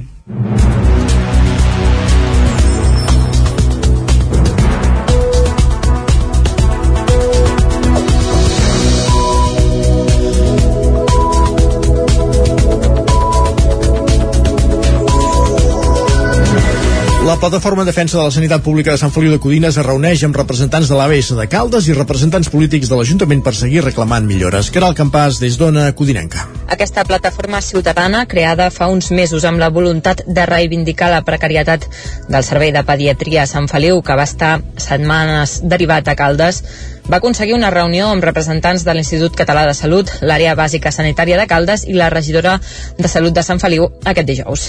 Segons Àlex de la Fuente, de la plataforma, la reunió va durar dues hores i tot i que no va ser del tot satisfactòria per ells, creuen que és un pas més per tal que s'escoltin les seves reivindicacions. El més important que valorem així a bote pronto, perquè encara hem de fer la nostra valoració col·lectiva, és que bueno, s'ha obert un canal de comunicació directa a les administracions, vale, tant amb l'ICS com amb el Departament de Salut, i aquest canal en principi serà estable, fluid, i anirem on podem anar transmetent les nostres, les nostres reivindicacions com a població. Segons la plataforma, la reivindicació de comptar amb un metge pediatre a jornada completa de dilluns a divendres segueix estancada. Tot i això, han aconseguit el compromís que des de l'ICS valorin la possibilitat d'incorporar una llevadora. Uh, el primer compromís és amb el, amb el tema de la llevadora. Uh -huh. vale? que és una reivindicació que, que sobretot l'han portat les, les companyes de, la, de vincles Uh -huh. I sembla que pot haver-hi una resolució. Pot ser que el, el nou ambulatori, el nou CAP, tinguem, tinguem el servei de llevadora a Sant Feliu. Tot plegat amb un nou CAP encara sense inaugurar i amb l'antic CAP amb deficiències energètiques. De fet, des de la pròpia plataforma expliquen que l'ICS els va detallar que la responsabilitat del manteniment de l'antic ambulatori és de l'Ajuntament de Sant Feliu, un manteniment que consideren deficient. En aquesta reunió no es va comptar amb representants de l'oposició, tot i que la regidoria de Salut els va convidar en un programa d'Ona Codinenca en directe perquè des de la plataforma ho van considerar una manca de respecte. Segons De La Fuente, la reunió l'havien aconseguit des de la plataforma i ja la tenien programada i preparada. Osona ha tancat el 2021 amb 5.349 empreses actives. Això suposa un 1,2% més que el 2020, però encara seria un 7% menys que els nivells previs a la pandèmia. Tot i això, l'afiliació ha pujat i ha batut una xifra rècord, 72.400 persones actives, una dada que no es veia des del 2018. Aquest... Dos, 2008, perdó. 2008, correcte. Aquestes són algunes de les conclusions que s'extreuen de l'informe elaborat conjuntament per la Cambra d'Osona i el Gabinet d'Estudis Econòmics de Barcelona. La comarca d'Osona, doncs, ha tancat el 2021 amb el mercat laboral en xifres històriques, tant pel que fa a llocs de treball com a persones afiliades. Concretament, la comarca compta amb 72.478 llocs de treball, la xifra més alta des del 2008, i també compten 73.354 persones afiliades a la Seguretat Social, també una xifra rècord des del 2012. Això indicaria que la comarca no és precisament una comarca dormitori. Aquest comportament contrasta, però, amb la recuperació del teixit empresarial, que se situa al voltant de les 5.349 empreses, un 7% menys que les que hi havia abans de la Covid. Escoltem a Pere Ententes, que és el president de la delegació a Osona de la Cambra de Comerç. El nivell de llocs de treball, ja us dic, eh, segueix la tònica de Catalunya, però podem estar molt satisfets perquè actualment tenim eh, 72.000 llocs de treballs a Osona directes. Què vol dir? O sigui, eh, feina directa a Osona. Vale? Per tant, són uns valors molt elevats, són uns valors molt més elevats que, que inici de pandèmia. Inici de pandèmia teníem 68.000 afiliats aproximadament i ara en tenim 72.000 afiliats. Per tant, vol dir una cosa, vol dir que estem 4.000 eh, afiliats més que els afiliats que teníem al desembre del 2019. Això és per dos factors, un perquè ens hem recuperat de, de, de, de la pandèmia del Covid i l'altre és perquè també eh, mo, tenim més població activa que a inici de pandèmia. En els darrers mesos haurien augmentat les afiliacions un 3,9% respecte a l'any anterior. Amb tot, l'informe apunta que el mercat de treball comarcal està tenint una recuperació lleugerament inferior a la registrada al conjunt de Catalunya. Pel que fa als treballadors autònoms, l'afiliació seria un 0,9% inferior a la que hi havia el 2019. Per grans sectors econòmics, el nombre d'autònoms ha crescut a la construcció i als serveis, mentre que la indústria i el sector primari ha disminuït. Escoltem a Pere Ententes. Nombre d'afiliats per residència és lleugerament superior, són 73.000 llocs de treball, eh, hi ha una diferència de 1.000 llocs de treball, això que ens indica? Ens indica un tema molt positiu, que és que a Osona no és una, un, un lloc, de, un lloc per viure i, i una ciutat dormitori o una comarca dormitori. Ens indica que Osona, doncs, la gent viu i treballa a Osona majoritàriament. Per tant, això eh, eh, diu molt de la comarca d'Osona. Eh? Per tant, vol dir que és una comarca dinàmica, vol dir que és una dinàmica que, que s'hi viu i treballa, i això és important. La franja d'edat amb menys afiliacions ha tornat a repetir-se entre els 30 i els 44 anys. Pel que fa a l'atur, també es consolida una tendència decreixent. La comarca d'Osona va tancar el quart trimestre amb 7.050 persones aturades, la segona dada més baixa des de l'agost del 2008. L'estal Serra Solses de la Creu de l'Arts de Vidrà arriba al centenari de la mà de la quarta generació de la Nissaga. El passat mes de desembre es va jubilar definitivament Pere Serra Solses, després de més de 70 anys servint els comensals de l'hostal Serra Solses, a Vidrà. La fonda la van obrir els seus pares ara fa 100 anys i avui la lideren la tercera i quarta generació de la nissaga, la seva filla Carme Serra Solses a la cuina i una seva neta, Ariadna Anglada, a la sala. Josep Serra Solses i Primitiva Mercè, els fundadors, estarien orgullosos de veure com ha relat la seva llavor, malgrat que ara ja no ho reconeixerien tot plegat perquè ha canviat molt. L'únic testimoni dels seus temps és el roure monumental que impassible continua als peus de l'establiment. L'any 1922 aquesta masoveria de la Creu de l'Ars, sobrenom que sempre ha acompanyat la marca de l'establiment, sobresortia als afores del poble de Vidrà. Serra Solses hi feia de sabater i Mercè, per complementar els ingressos familiars, va començar a oferir un plat a taula i un lloc on passar la nit als traginers i buscarols que, recorria, que recorrien aquest antic camí de transhumància. El matrimoni va tenir tres filles i un fill. Tots es van implicar poc o molt en el prometedor negoci. Va ser en Pere, nascut al 1933, qui juntament amb la seva dona, la Maria Carme Pujades, van liderar la primera gran embranzida. Així, el 1956 van poder comprar la finca i a partir d'aquí l'immoble va viure successives reformes, tant del menjador i la cuina com de les habitacions, que han acabat esborrant el perfil de l'antiga masia. Durant els anys 60 la fonda es va beneficiar de la primera onada d'estiuejants, sovint gent benestant que llavors s'estaven a vidrar durant un parell de mesos. Ara el restaurant i l'hostal s'omplen sobretot els caps de setmana. Cent anys després, la implicació de la família, ara amb dues dones al capdavant, és clau perquè Can Serra Solses continuï sent un lloc únic de parada i fonda. I segur que Isaac hi has anat alguna vegada i tot, eh? Alguna, alguna. Molt bé. Més establiments històrics, en aquest cas el Cap d'Estopes de Vic, que reneixerà. L'emprenedor Manel Serena, propietari del Vermutet, reobrirà el proper mes de setembre l'emblemàtic bar musical del carrer Nou, tancat des de fa 3 anys. La Muralla, l'Escorpio o el Catau sonen avui autèntica prehistòria i van ser els primers bars musicals que es van obrir Vic entre finals dels anys 60 i principis dels 70. Una dècada després van ser rellevats per altres locals igualment mítics, com ara el Bumen, la Moc, el Nexus o el Boulevard Blau. Tots ells ara ja són morts i enterrats, excepte un, que després de 3 anys tancat sortirà de l'UCI per viure una segona etapa. Es tracta del Cap d'Estopes, l'històric bar musical situat al carrer Nou. Darrere la iniciativa hi ha l'emprenedor biguetà Manel Serena, que des del 2015 comanda el Vermutet, la vermutoreria i bistró d'èxit que hi ha situats al carrer de la ciutat, just al costat de l'Ajuntament. La previsió de Serena és reobrir-lo de cara al mes de setembre. Al cap d'Estopes li hauria tocat celebrar aquests dies el 50è aniversari. Va obrir les portes el 31 de desembre de 1971. Ho va fer de la mà del popular Joan Vilà i la seva família, que durant més de 40 anys van deixar empremta al capdavant del local.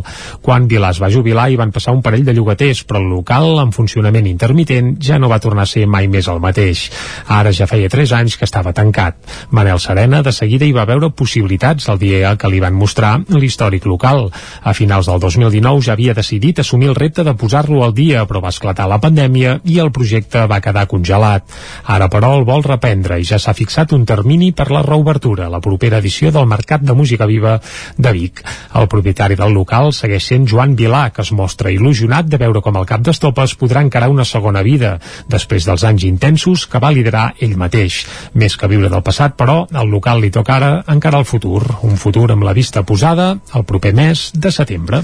Veniu a mi, la passió de Llinars del Vallès es representarà quatre dies durant el mes d'abril. En aquesta edició del 2022, el Teatre Auditori recupera tot el seu aforament. Núria Lázaro, des de Ràdio Televisió Cardedeu. El grup Tiltall Teatre de Llinars del Vallès ja fa dies que està promocionant una nova edició de la representació de Veniu a mi, la passió de Llinars del Vallès, sense cap mena de dubte, la més significativa de les que es puguin representar al Baix Montseny.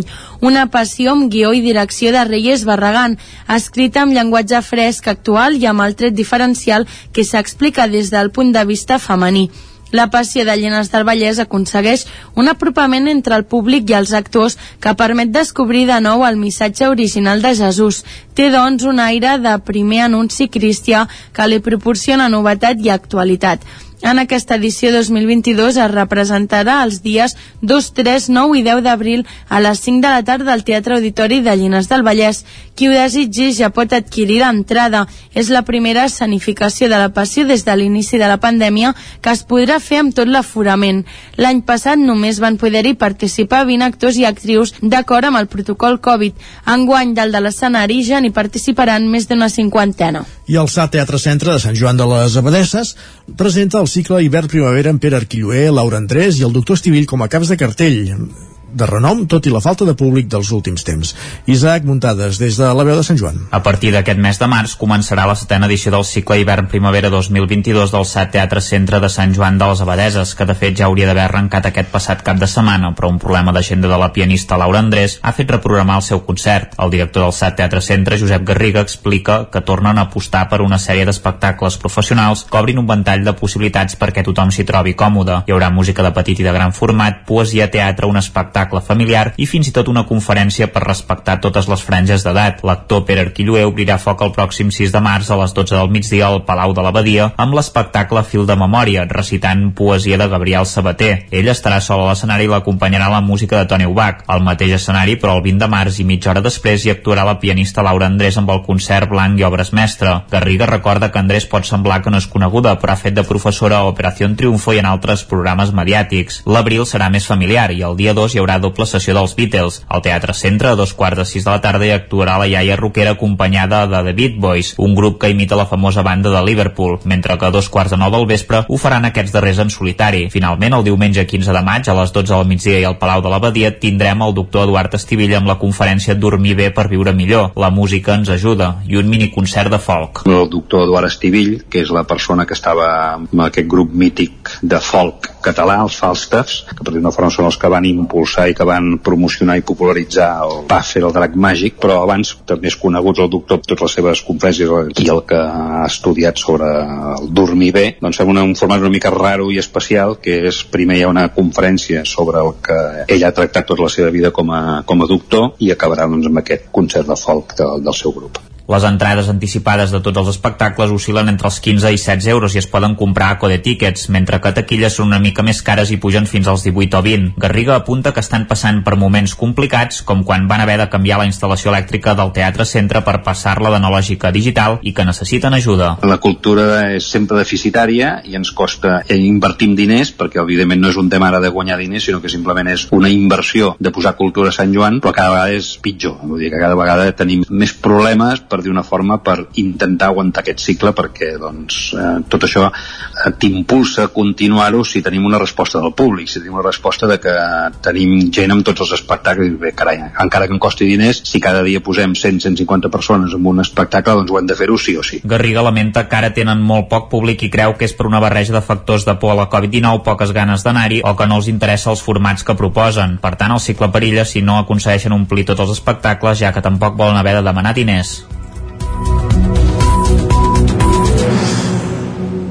Poc menys un minut perquè sigui un quart de 12 i el territori 17 continua després d'aquest repàs informatiu que començàvem a les 11 en companyia de Núria Lázaro, Isaac Muntades, Caral Campàs i Jordi Sunyer. És moment d'entrar a l'espai que dediquem cada dimarts a l'economia.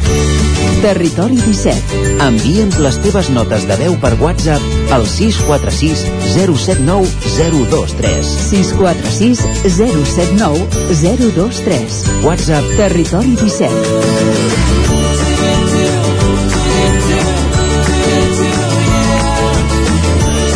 Territori 17.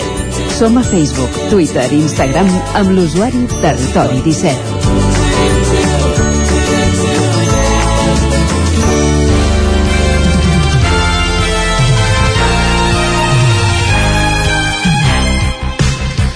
I com cada setmana, a l'Espai d'Economia ens l'acosta en Joan Carles Arredondo des del 9-9 del Vallès Oriental, eh, és el seu cap d'Economia. Joan Carles, bon dia. Bon dia. Sembla que la, bon, la petita treva que hi havia entre patronal i govern central per la reforma laboral ara s'ha estroncat amb el tema del salari mínim interprofessional que el govern ha situat en els 1.000 euros amb tota l'oposició de, de la patronal. Sí, tenim una mena de ja via. Cada vegada que hi ha salari mínim interprofessional, es despenja la patronal, surten legions de libèrrims que diuen que no s'han de fixar salaris eh, des, de, des dels governs eh, la, la veritat és que l'únic que canvia és la quantitat no? Eh, Exacte, sí, que, sí. que anava a dir, afortunadament va pujant eh, pot, pot, potser no prou potser hi, hi hauria matisos a introduir sobre si hi ha d'haver un salari mínim interprofessional exactament igual per Barcelona que per Jaén etc. Eh? Són, són matisos però diguem-ne que en el fons eh, tot eh, cada vegada que hi ha un salari, una aprovació de salari mínim, mínim interprofessional acaben passant les mateixes coses i acaben caient les mateixes plagues d'Egipte que després no s'acaben de confirmar bé, tot, tot això ho explicarem ara. Eh, mira, eh, eh, l'any 2008 eh, va venir va haver-hi una crisi financera molt important eh? no, no, no tampoc cal recular gaire la memòria per, per recordar-ho perquè de fet corregit i augmentat, diguem-ne que encara hi som, eh? Um, uh, I llavors aquesta crisi financera va fer una mena de màgia negra eh, que va convertir el que eren legions de milauristes eh, que tenien les seves queixes perquè era, ja, ja llavors era impossible arribar a, a, a complir objectius vitals mm, tan tontos com tenir un sostre, eh? com comprar un habitatge, com... Eh, Diguem-ne que eh, ja, llavors hi havia queixes, però, però, però aquest art de màgia negra eh, que es va fer durant la, la crisi financera eh, va acabar convertint aquests milauristes en aspirants a milauristes, perquè els, els sous van tirar cap avall per una mena de malentesa d'avaluació, jo entenc que malentesa, eh, d'avaluació salarial per ser competitius i per intentar sortir la crisi a, a, a base de costos, que segurament és la pitjor manera de sortir d'una crisi perquè sempre hi haurà gent disposada a treballar per menys. Totes aquestes coses van passar i aquells milauristes queixosos, llavors, eh, doncs eh, es van convertir en aspirants a milauristes. Sí.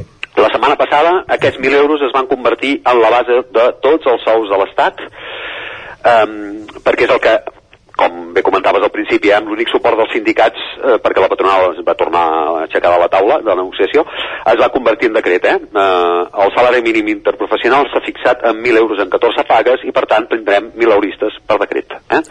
Eh, com a mínim 1.000 euristes per decret, que ja és alguna cosa més que aspirants a 1.000 euristes. Correcte. No hi haurà aspirants a milauristes, però és veritat que mm, superar aquest llindar, eh, arribar a aquest llindar dels 1.000 euros no assegura eh, el salt cap al compliment d'aquestes aspiracions vitals que puguin tenir, eh, les més modestes que puguin tenir aquests treballadors. L'altre dia sortia un reportatge molt interessant a, al País, se sap greu citar a vegades alguns diaris, però el, el reportatge era molt interessant, que explicava com els milauristes estan vivint la situació eh, eh, i com els és gairebé impossible, diguem-ne, arribar al final de mes amb, amb aquest salari. Què ha passat? Que la simple aprovació d'un salari mínim fixat en aquests 1.000 euros ha engegat els vells arguments sobre les set plagues d'Egip- d'Egipte que cauran sobre el mercat laboral.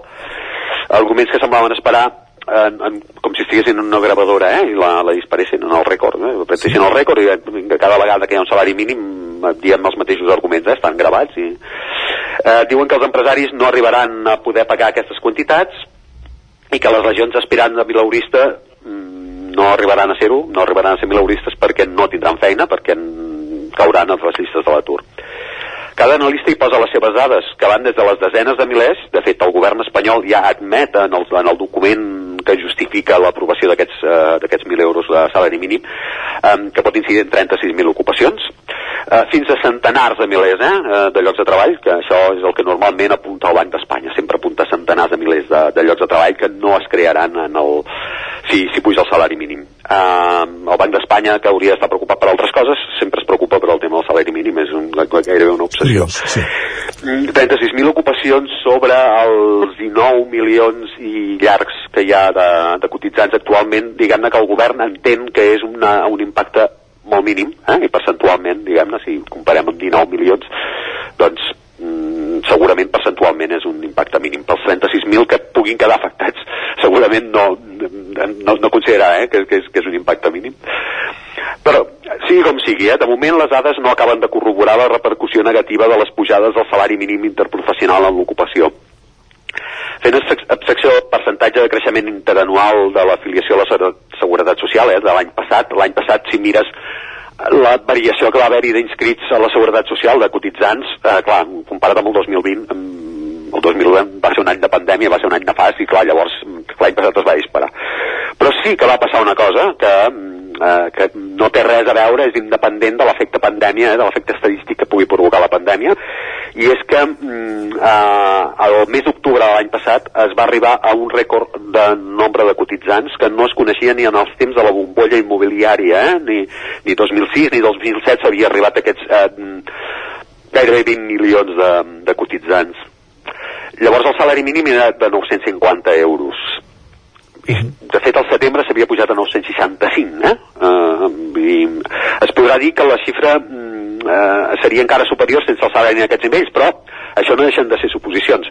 La dada és que es va arribar al màxim dels registres quan el salari mínim estava a 950 euros. Eh, respecte del que s'ha pujat, eh, respecte al que hi havia, que eren 965 euros, això es va aprovar al setembre de l'any passat, amb caràcter retroactiu, eh, diguem-ne que la diferència són ara 35 euros al mes, que són 490 euros l'any. Eh, 35 euros al mes, 490 euros l'any, diuen aquestes veus que fan trontollar el mercat laboral. Mm, eh, tot és opinable. Tot és opinable, tu has dit. En aquest punt és convenient introduir puntualitzacions. La primera, el salari mínim és, afecta a una porció relativament petita de la població activa. Eh? A Catalunya serien unes 237.000 persones, això és un 8,5% del total de treballadors en actiu, la resta, eh, un 91,5%, per tant, uh -huh. ja cobra més que aquesta quantitat perquè la seva relació laboral està regida pels convenis col·lectius que, com que hi ha hagut negociació, diguem-ne, normalment ja preveuen remuneracions més altes que el salari mínim, no? Aquesta és una primera puntualització, per tant, una porció relativament petita del, del mercat laboral. Sí, sí. I la segona seria que molt sovint els salaris estan basats en la productivitat. És, és lògic plantejar que les empreses no poden pagar un treballador més salari que el que es considera que portarà aquest treballador, si no, evidentment hi perdrien diners. És a dir, si tu estàs pagant això, aproximadament aquest salari mínim a l'empresa li costa uns 17.000 euros llargs eh, cada any. Eh? Per tant, 17.000 raons per pensar-s'ho. Eh, evidentment, aquest l'empresari que contracti un treballador pensarà que aquest treballador li aportarà més dels 17.000 euros que li paga, perquè si no, diguem-ne que anirà a perdre i tam tam també és normal, no es, pot, no es pot demanar als empresaris que vagin a perdre calés perquè no són ONG, es posen SA o SL darrere de les seves empreses, no ONG. Per això, diem que els salaris són més baixos en sectors amb poc valor afegit, i com ja s'ha explicat moltes vegades, el valor afegit es genera a partir d'una equació en la qual la innovació i també la qualificació personal hi tenen un pes molt determinant. Som, doncs, en un punt important, eh? La qualificació dels treballadors té aquest paper determinant per aconseguir que les empreses generin més valor. I, per tant, és necessari també el, remarcar també el pes que ha de tenir la formació de base que, en part, ha de proporcionar l'Estat. Eh? Uh, formació professional, formació universitària, etc.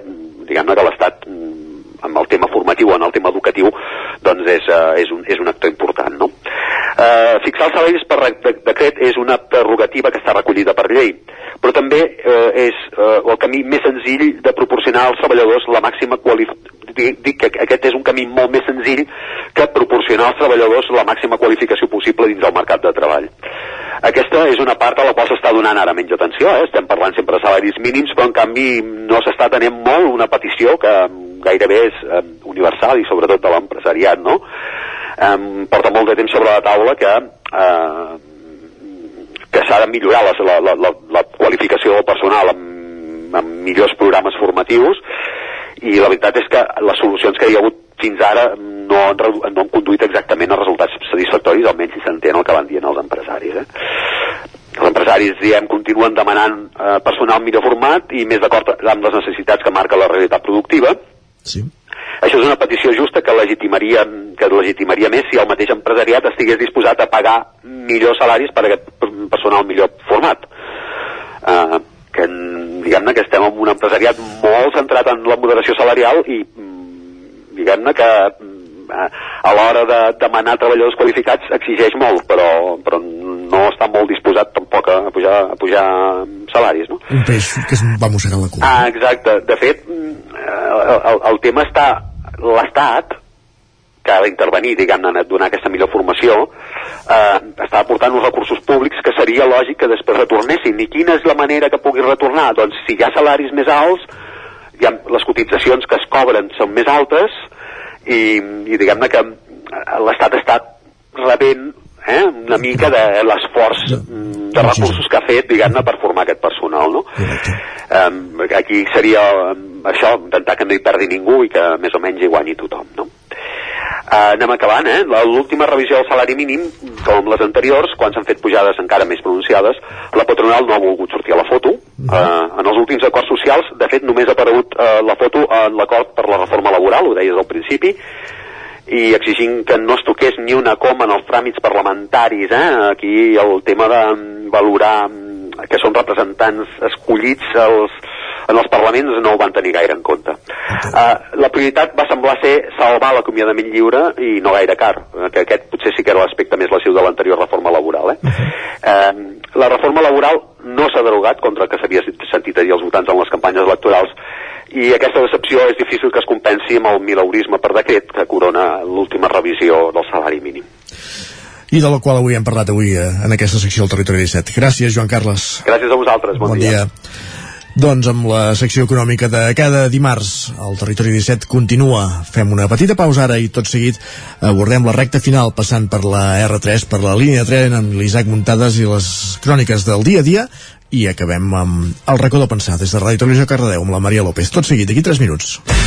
El nou FM, la ràdio de casa, al 92.8. Mmm, quan fa que no menges pluma ibèrica de Salamanca i xuletilles de lechal a la brasa amb una bona amanida? Oh, ¿y un chuletón de vedella gallega? ¿O lechazo de Castilla al forn? Ah, i botillo del Bierzo amb catxelos i col? Ei, i cochinillo a l'estil de Segòvia, i tot acompanyat d'un bon celler. Oh, i uns bons serranitos de pollastre, de llom, de burguesa, del que tu vulguis. Per menjar la millor cuina de Lleó sense moure't de casa, vine a El Racó de León. Fem cuina tradicional lleonesa i de mercat. Vine amb la família, amb els amics, amb la parella o sol. T'encantarà. El racó de León.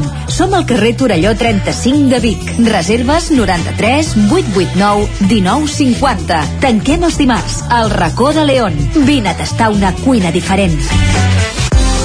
Cefusol, centre de formació de soldadura GURB. Som especialistes en processos de soldadura. Disposem d'instal·lacions totalment equipades per classes de teòrica i pràctica amb cabines individuals i equipaments de seguretat. Assessorem empreses i oferim cursos subvencionats i bonificats. Vine i t'informarem. Cefusol, som al carrer Sant Roc número 9 de GURB. Telèfon 664 206 192. També ens trobaràs a cefusol.com i a YouTube. Cobertes serveis funeraris. Els nostres tanatoris estan ubicats en els nuclis urbans més poblats de la comarca d'Osona per oferir un millor servei. Tanatori de Vic, Tanatori de Manlleu, Tanatori de Centelles i Tanatori de Roda de Ter. Sabem que són moments difícils i per això el nostre compromís és atendre-us en tot moment amb un tracte humà, sensible i respectuós. Cobertes serveis funeraris. Telèfon 24 hores 93 883 23 46. Gràfics Air, el seu proveïdor global en rotulació i impressió digital. Oferim servei de disseny, producció i instal·lació de qualsevol projecte en rotulació industrial i comercial. Rètols corporis, senyalització preventiva, senyalització viària, senyalització interior de naus, vinils decoratius per a oficines i establiments comercials, retolació de vehicles... Confia en els serveis que li pot oferir Gràfics Air. Ens trobarà al carrer Lleida 39 de Vic o a graphicsAir.com. Això és el que s'escolta al voltant d'una caldera saunia d'Oval. Tranquilitat i benestar, perquè gaudeix del millor manteniment del servei tècnic oficial per estar despreocupat. O el que vulgui. Informis a Oficiat Nord trucant al 938860040. Saunia d'Oval, sempre al seu costat. Anuncia't al 9FM. La màquina de casa. 9 3 8 8 9 4 9 4 9. Publicitat arroba al 9FM.cat. Anuncia't al 9FM. La publicitat més eficaç. El 9FM. Territori 17. A Tren d'Alba. Cada dia els usuaris de la línia R3 de Rodalies que veuen sortir el sol des d'un vagó ens expliquen les gràcies i les penes del primer comboi que uneix Ripoll i Barcelona. Benvinguts a Tren d'Alba. Fa uns dies es van reunir a Andorra el cap de govern i el president de la Generalitat de Catalunya, Pere Aragonès. En principi van parlar de moltes coses, entre elles les infraestructures. Serà possible veure en un futur, no a curt ni a mitjà termini, una línia de tren que connecti el país andorrà amb Catalunya? Qui sap, n'estarem pendents. Ara podem escoltar en Jordi Valls, que ens parla d'un fil de Twitter ben curiós. Bon dia, sóc en Jordi de Centelles. Avui el primer de Vic, 11 minuts tard. Primer dia de la setmana, 11 minuts tard. A Centelles ha arribat 5 minuts tard. Què passa? Bé, us vull explicar un fil de Twitter que vaig pescar, aquestes coses, com sóc un friqui del tema dels trens, hi ha un usuari a l'11 de febrer que posa Esperàvem el tren de les 15.21 direcció a l'Hospitalet i sense cap informació ha marxat i ens ha fet passar el tren de les 16 hores. Ens podeu informar la incidència? Al cap d'una estoneta, Rodalies de Catalunya contesta Hola Carme, aquest tren no accepta viatgers derivat de causes sanitàries. Disculpes. Sempre el de sempre. Aviseu abans, no després. Llavors, algú del tren, un professional, posa interventor y personal de seguridad se encargó de avisar e aislar al pasaje de Torelló a Vic de los posibles contagiados de COVID-19. Se tomó la decisión de llevar el tren desde Vic al depósito sin pasajeros para proceder a su desinfección. Un saludo. Dues coses que em preocupen de tot això o em criden l'atenció. Primer de tot, per què no ho dieu a la gent? Si, si som bona gent, si ens informeu, senyors i senyores de Rodalies, nosaltres ho entenem tot. Segon, que un tren sigui tancat per Covid-19 y además aislar al pasaje de Torelló a Vic de los posibles contagiados de Covid-19 és com aquestes alçades de la pel·lícula molt estrany. Així que llenço un repte a territori C-17. Esbrinar què va passar amb aquest tren, perquè no he trobat res més. Apa, us deixo feina. Vinga, moltes gràcies i que una Renfe qualsevol no us amargui l'alegria del tren. Adéu-siau. La usuària Carme Cara és qui ens va explicar aquesta situació, que ens recorda a l'inici de la pandèmia, que s'aïllava a la mínima i es desinfectava a tort i a dret. Doncs vés a saber què va passar amb aquest tren. Segons ens has dit i segons el fil, va acabar un dipòsit de passatgers per desinfectar-lo. Va, ens retrobem demà amb més històries del tren i de la R3. Territori, Territori 17. 17. Territori 17.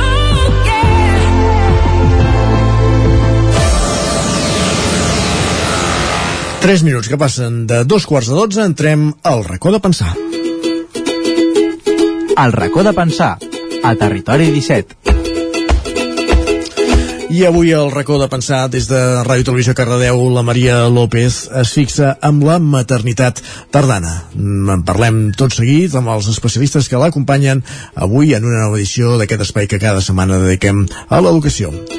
Maternitat tardana avui al racó de pensar, Maria, quan vulguis. Bon dia i benvinguts a un nou racó de pensar, aquest espai on ens agrada indagar una mica sobre l'educació, les emocions i la família, i on compartim i ens trobem una estoneta en aquest petit racó per intentar fer-ho cada dia una mica millor.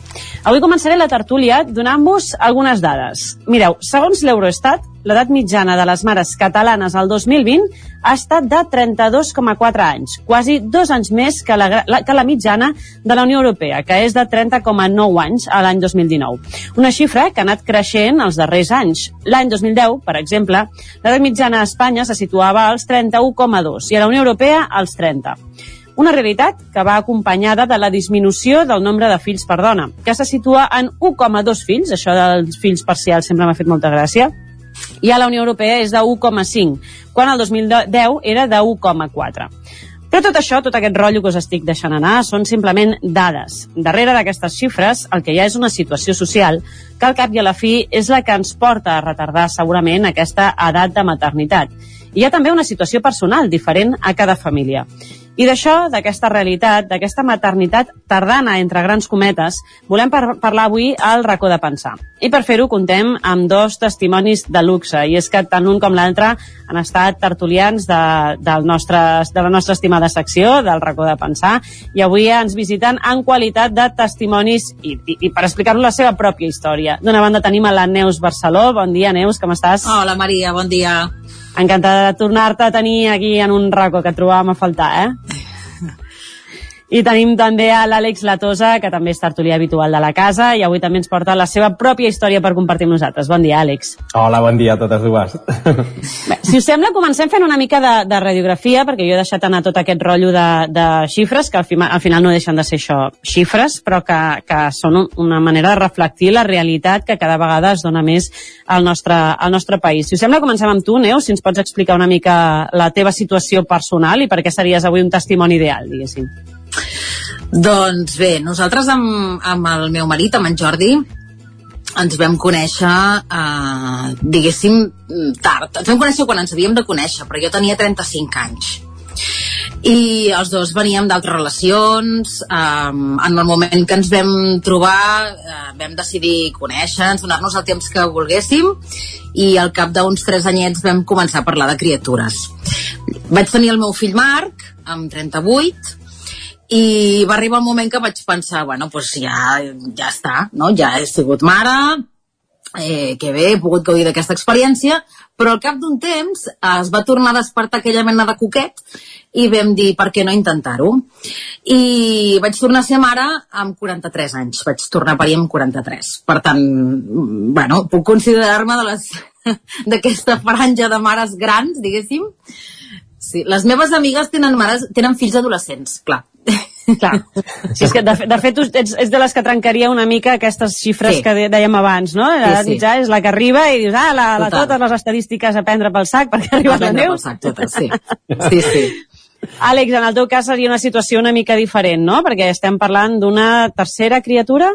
Sí, exacte. Doncs jo en tinc tres, uh, però també em sento una mica identificat amb el que explica la Neus, perquè sí que dins les dades que daves a nivell estadístic, doncs uh, uh, la, la meva primera filla la vaig tenir amb 33, és a dir que ja m'escapava una mica de l'estadística, uh, i després en vaig tenir un altre en 36 i el tercer que amb 44, que ara té 3 anys el tercer. Així que veig una mica la perspectiva tot plegat i també com em sentia quan vaig ser pare amb 33 anys i la gran diferència de com em sento sent pare ara amb, amb 47, gairebé 48 que en tinc ja i eh, bueno, per això crec que puc explicar també la, la meva experiència des de, des de totes les vessants. Comencem, si us sembla, una miqueta, arrel de la, del que ens heu explicat vosaltres dos, eh, podríem dir en, en el per què no? O sigui, ja, ja he reflectit d'alguna manera dues situacions bastant típiques. Una és en quin moment trobes la, la parella amb qui et sents a gust com per fer una família, que, que abans sí que era com molt típic, no? que la gent eh, tirava amb la seva parella des dels 15 anys, semblava, ara doncs d'alguna manera també segurament són molt més exigents a l'hora de, de decidir amb qui prenem aquesta, aquesta decisió. Entenc que també entra en temes laborals, a vegades, d'en quin moment un eh, decideix que és el moment ideal per tenir fills, Uh, però, però entren altres factors, no? Des, això, des del laboral, des de que sigui una tercera criatura. Com veieu? Què, què penseu vosaltres que és el motiu principal perquè a poc a poc es vagi retrasant aquesta edat? Home, jo penso que, um, almenys per l'entorn que tinc, que han viscut situacions similars a la meva, eh, jo he conegut moltes situacions de famílies en què es separa la parella i tornen a tenir fills ja més grans amb una nova parella, no? Per tant, a l'igual tenen fills amb 30 i poc amb, amb una parella, es separen i llavors a l'igual amb quasi 40 i en tenen una altra. També per motius laborals la, el tema econòmic, no? el fet de que tens una feina i potser doncs, et quedes amb un fill i a l'igual ho ha retrasat també, el fet de tenir fills. Eh, I el fet doncs, de que de que, bueno, vulguis o no vulguis, eh, estem en un moment en què també eh, és cert que ens hem tornat molt més exigents amb el tema de parella. Hi ha molta gent que, jo, jo coneixo molta gent que eh, s'han plantejat, per exemple, ser mares solteres, eh, que no tenen parella i, bueno, doncs em planto amb 40 anys i em plantejo doncs, ser mare soltera i ja està bé, ja està bé. Vull dir que jo una mica és l'entorn que jo eh, he, he viscut eh, amb, amb aquests anys també és veritat que ara has deixat una mica entendre que, que abans, i això en realitat ja és positiu, abans era com que l'objectiu que hi havia era acabar fent família i tenint fills, no? i ara -huh. d'alguna manera es plantegen molts altres objectius a la vida, no? Sí, I, i això també fa doncs, que, que quan tu, tu planteges ja és perquè hi ha un fet biològic que moltes vegades t'apreta no? Però ja no, ja no va, ja, la teva funció a la vida ja no la veus com fer família, no? Sí. Àlex, com, tu què creus? Quin Sí. és el motiu principal? Mm, Bé, jo coincideixo molt amb el que diu la Neus. Eh, Jo crec que reflecteix molt bé el que és la Val. En el meu cas sí que era a nivell professional, sobretot, perquè, clar, nosaltres eh, amb la meva parella compartim camí des de que jo en tenia 23 i ella 20, i ja ens coneixíem d'abans, és a dir, que ens coneixem de fa molt de temps, i eh, també vam esperar tot aquest temps pel que deia el professional, de, eh, bueno, veiem que no era el moment encara, perquè sabem que si vols dedicar a la criança doncs això significa que has de prioritzar la criança i el tema professional ha de quedar en un segon terme, no ens, no ens enganyem, és a dir, que no pot ser les dues coses, has de prioritzar. I vam pensar que doncs, era quan a, a nivell estava més estabilitzat, personals que tenia a les poguéssim engegar i jo veiem que eh, teníem ganes ja de tenir criatures des de, des de molt aviat, però vam veure que el moment doncs, eh, va ser en, precisament en aquell. I després també teníem clar que volíem tenir tres.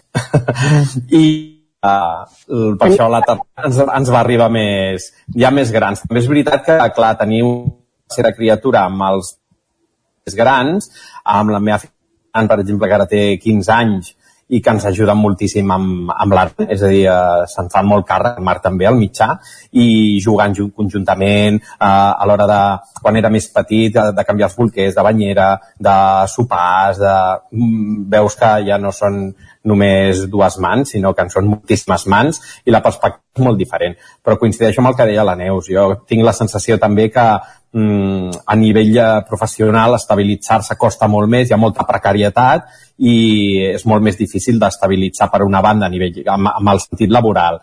I després també en el sentit personal, és a dir, que no és necessari per eh, tenir de ser pare o mare i dedicar-te a la criança a tenir una estructura de família com la que hi havia als anys 80. És a dir, que això ha canviat moltíssim i les casuístiques són molt diverses i per això crec que, que doncs, eh, amb aquests dos factors ha anat retardant-se. Ah, no sé si en algun moment a l'hora de prendre la decisió de va, vinga, ens hi embarquem, eh, el tema de l'edat precisament ha sigut com un... Eh, s'ha posat sobre la taula o en cap moment us ho heu plantejat? O sigui, Neus, per exemple, tu a l'hora de decidir-ho, o sigui, en algun moment va poder ser un impediment que acabéssiu salvant o...? No, en absolut. A més a més, eh, la meva mare a mi em va parir amb 42 anys. Per tant, jo ja vinc de, de mares que han sigut grans. Llavors és que ni m'ho vaig qüestionar. De fet, um, uh, la meva experiència han sigut dos embarassos meravellosos. Uh, M'he trobat superbé, m'he sentit... El segon ha sigut una mica diferent, perquè evidentment tens un altre fill i es veu diferent també. Però uh, tothom em deia, ostres, diu, em, em, em consideraven de risc, em deien. em deien durant tot l'embaràs, no, és que tu ets, ets mare de risc. I jo pensava, de risc per què? I em deia, no, per l'edat. Dic, doncs si em trobo superbé. Llavors, uh, no, en absolut. Jo no no m'ho vaig plantejar en cap moment. Uh, em sentia super tranquil·la, super confiada, sabia que aniria bé i, i a més també és el, el punt de consciència que poses amb les ganes de ser mare també. És a dir, jo, jo no em sento igual sent mare ara amb 44 anys um, que uh, quan en tenia 20 uh, la meva consciència la, la, la, les prioritats meves han canviat tant. Jo vaig decidir deixar de treballar per atendre els meus fills això potser en 30 anys no m'ho hagués ni plantejat. Eh, I en canvi ara doncs, eh, ho vaig tenir claríssim, que la, que la prioritat la posava amb ells i la posaven en, en atendre'ls i acompanyar-los. Vull dir que, que no, en absolut. Ho vaig tenir molt clar. Àlex, en el teu cas, en algun moment vau dubtar allò de, va, el tercer segur ara eh, amb l'edat No. o ara que ja, ten, ja tenim els altres dos enfilats, saps? No, ara sí que dubtaríem amb el quart, això sí, eh? això ja sí que no. Saps que en el fons, en el fons em consola sentir Àlex això, perquè és que, hòstia, No, en el, en el, en el tercer no.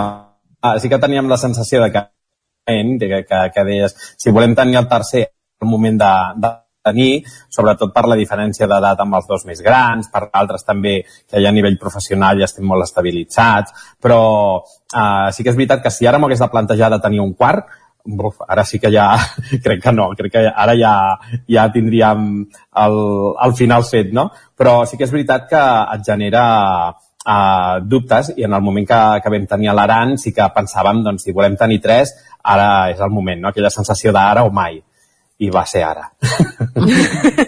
anem, anem una mica a, a veure aquestes diferències que, que dèiem, no? La Neus ja ho apuntava una miqueta, eh, en quant a que hi ha coses que ara s'ha plantejat eh, i, que, i que a nivell de, de seguretat i consciència individual un té molt més clares amb l'edat, i en aquest sentit tenim unes, unes coses positives, però segurament també deuen haver algunes coses negatives de fer-ho més tard. No sé si podrem fer una mica de pros i contres per cadascú de vosaltres del que hauria sigut i com ha sigut.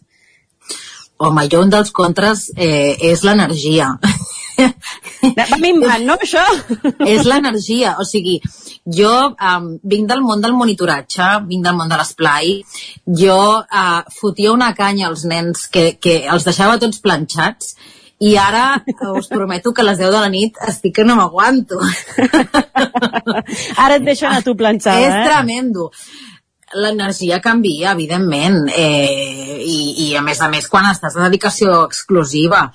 Eh, però és, és, és, és, un dels, és un dels temes. El tema també de la, de la recuperació, jo és un dels temes que també eh, he notat més amb, amb l'edat.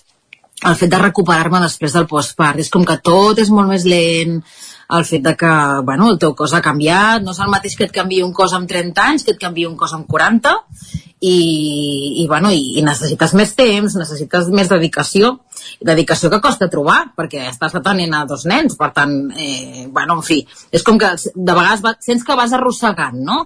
Uh, un tema més físic o, o que de seguida et canses més o que de seguida bueno, en fi, temes de sol pèlvic, eh, t'has de cuidar una mica més, clar. Eh, el que passa que jo penso que una cosa a favor és que eh, també aportes una mirada de cara a la criança eh, diferent. És a dir, potser no aportes tanta energia, val? però la manera d'estar és diferent també. No? Potser jo abans jugava amb els nens de l'esplai, jugàvem a pilota i ens passàvem hores corrent en els boscos, ara sec a terra, per exemple. I fem puzzles, saps? A dir, la manera d'estar intento que sigui també una mica més en consonància amb la meva energia del moment, saps? I, i la paciència, creus que, que t'ha canviat? Home, la paciència sento que... Eh, sí, és a dir, ara sóc potser més, més, més verbal. M'he tornat més verbal, no? És a dir, uh, potser abans era molt més reactiva, amb 20 anys, no? I ara eh, bueno, va, anem, anem a parlar d'això i, i a més amb el meu tarannà, no? I, i com t'has sentit i com... No? Sí, jo crec que sí, crec que sí. A, que a, una... a, a positiu, eh? O sigui, més paciència. Sí, crec que sí. Jo sempre havia tingut la sensació, tinc la sensació que, que amb el temps em tornaré cada vegada menys pacient, però és una sensació meva d'ara, eh? Tinc la sensació que, que, que cada vegada aguantaré menys tot en la vida en general, eh?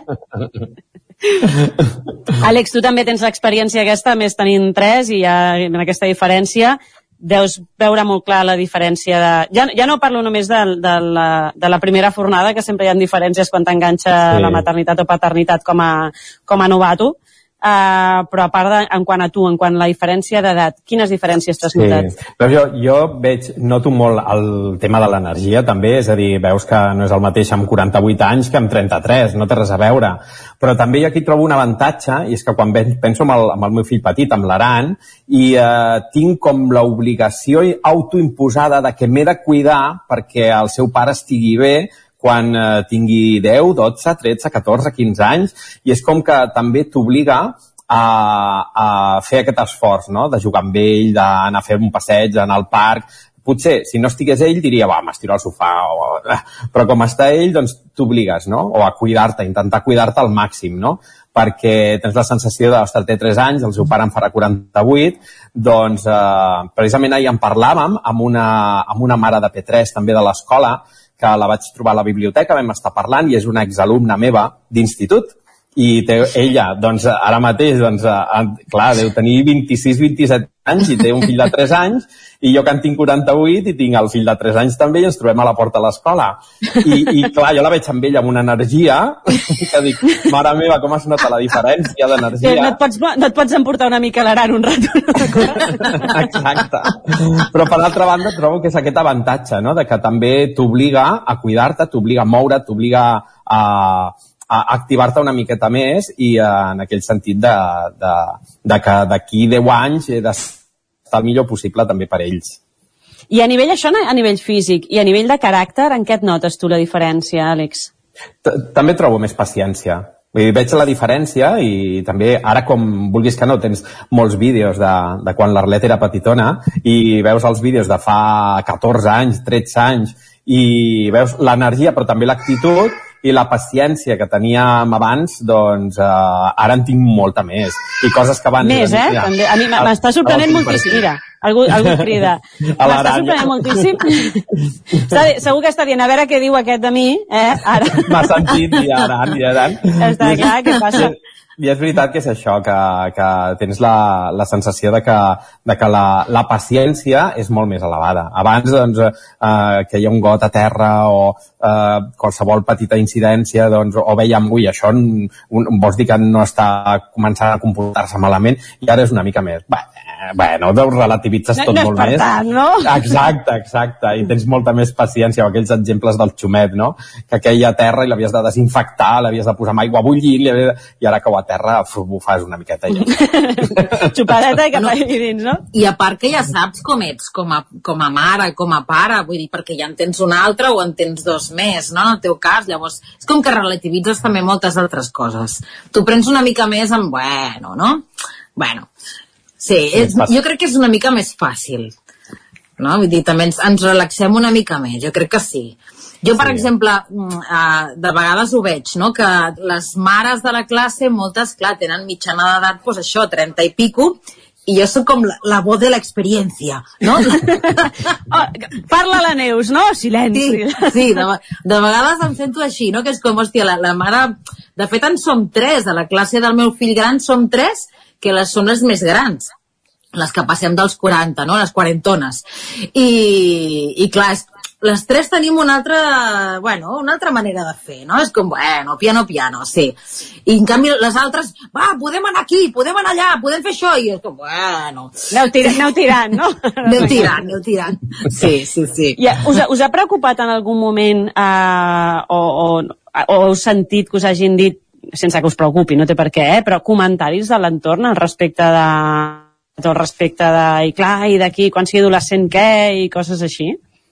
Jo en el meu cas no, eh? No, no he, mm, vaja, que jo ho presenciés no però uh, no sé si després es, es poden fer altres comentaris no? però no, no he viscut de primera persona que vols dir i ara tenir un fill i ara tan grans, no pel fet de ser, més aviat era pel fet de ser tres que no pas de, de l'edat I, i, i t'ha preocupat en algun moment a tu, doncs, això, no? Igual que deies abans, doncs, el tema físic, de, de, de, és una cosa que et preocupi? Sí, sí, i sobretot el pensar, no? Uh, clar, quan, sobretot pensant més amb el petit, no? Amb l'Aran, clar, quan ell tingui 30 anys, quina edat tindré jo? Quan tingui, eh, vulgui tenir fills, els avis seran més grans, no? Però vaja, el que deia abans la, la Neus també, no? És a dir, uh, la, la teva mare Neus doncs és més gran també, oi? I, sí. bueno, són, són situacions de vida, llavors en aquest sentit tampoc no, eh, eh, no, no ni m'ho he plantejat, eh, en aquest sentit. Sí que penses això alguna vegada de- d'intentar cuidar-te per estar bé, fas el que pots, com deia la Neus, amb el temps que tens, intentes fer el que pots, però ser conscients que ho fas per, eh, perquè també puguis estar el millor possible a mesura que et vas fent gran. I tu planteges, però no és un tema que, que, que jo crec que sigui determinant a l'hora de decidir tenir o no tenir fills quan ets una miqueta més gran. I a més, crec que la perspectiva ha canviat moltíssim. Uh, de vegades ho parlem amb els amics i dic, és que jo crec que els 50 d'ara no són els 50 de fa 30 anys. Uh, I potser és que abans no en tenies 50 tu i llavors ara ho veus d'una altra manera. Totalment. Neus, no sé si tu t'has trobat alguna vegada que algú et faci algun comentari, que et diguin coses o que t'intentessin persuadir? No, perquè a més a més jo tinc una mare que, ja, que, que ha sigut gran també. Ma germana i jo ens portem 18 anys. Per tant, clar, per mi ha sigut la normalitat. Llavors, um, jo penso, mira, veus, quan el meu fill petit sigui com jo, jo seré com la meva mare, no?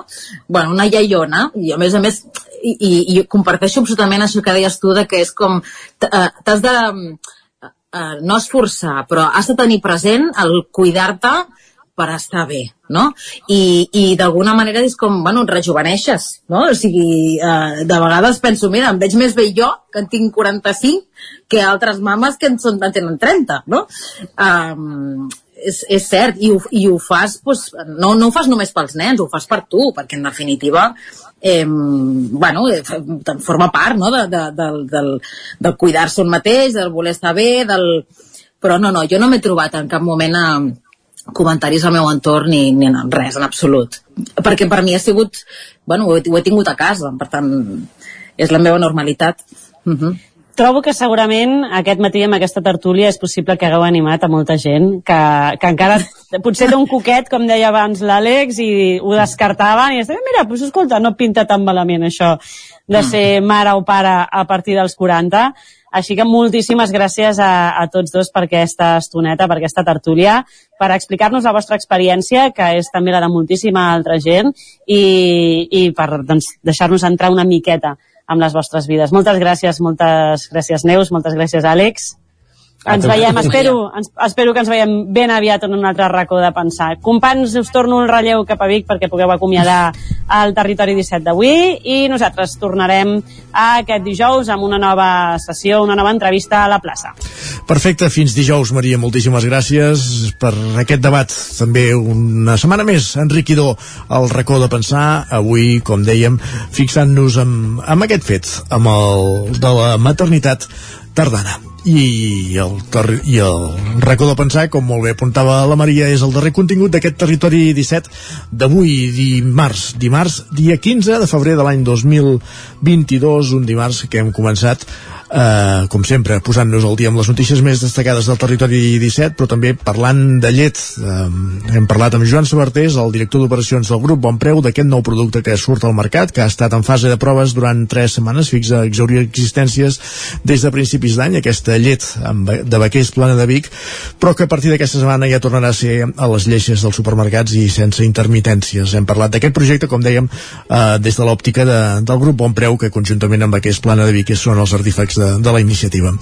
Hem passat per la taula de redacció, hem conegut les pilades del dia i hem parlat també d'ornitologia, hem parlat d'ocells, hem parlat de cigonyes, que han començat la seva migració cap a països nòrdics abans de la, la migració preaparellament. N'hem parlat amb Ed Font des del grup d'anellament de Calla Atenes doncs, que ens ha parlat de, del procés d'aquest 2022 de, de les diferències amb, amb les migracions d'altres anys.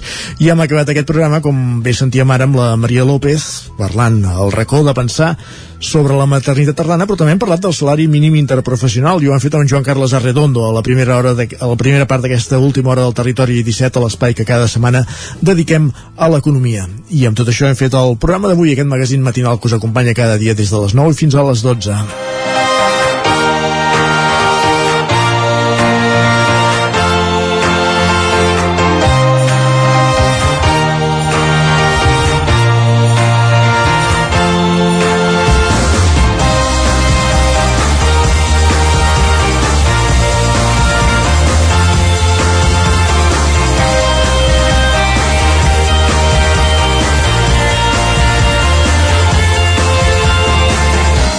I així acabem. Rebeu una salutació cordial de l'equip que ha fet possible un dia més d'aquest programa. Pepa Costa, Guillem Sánchez, Guillem Freixa, Isaac Muntades, Bet Font, Caral Campàs, Núria Lázaro, Òscar Muñoz, Joan Carles Arredondo, Maria López, Jordi Sunyer i Isaac Moreno. I tornem demà a partir de les 9 del matí. Bon dia.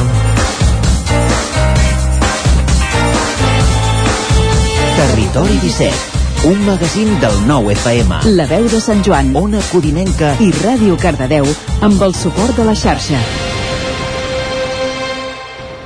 El nou FM.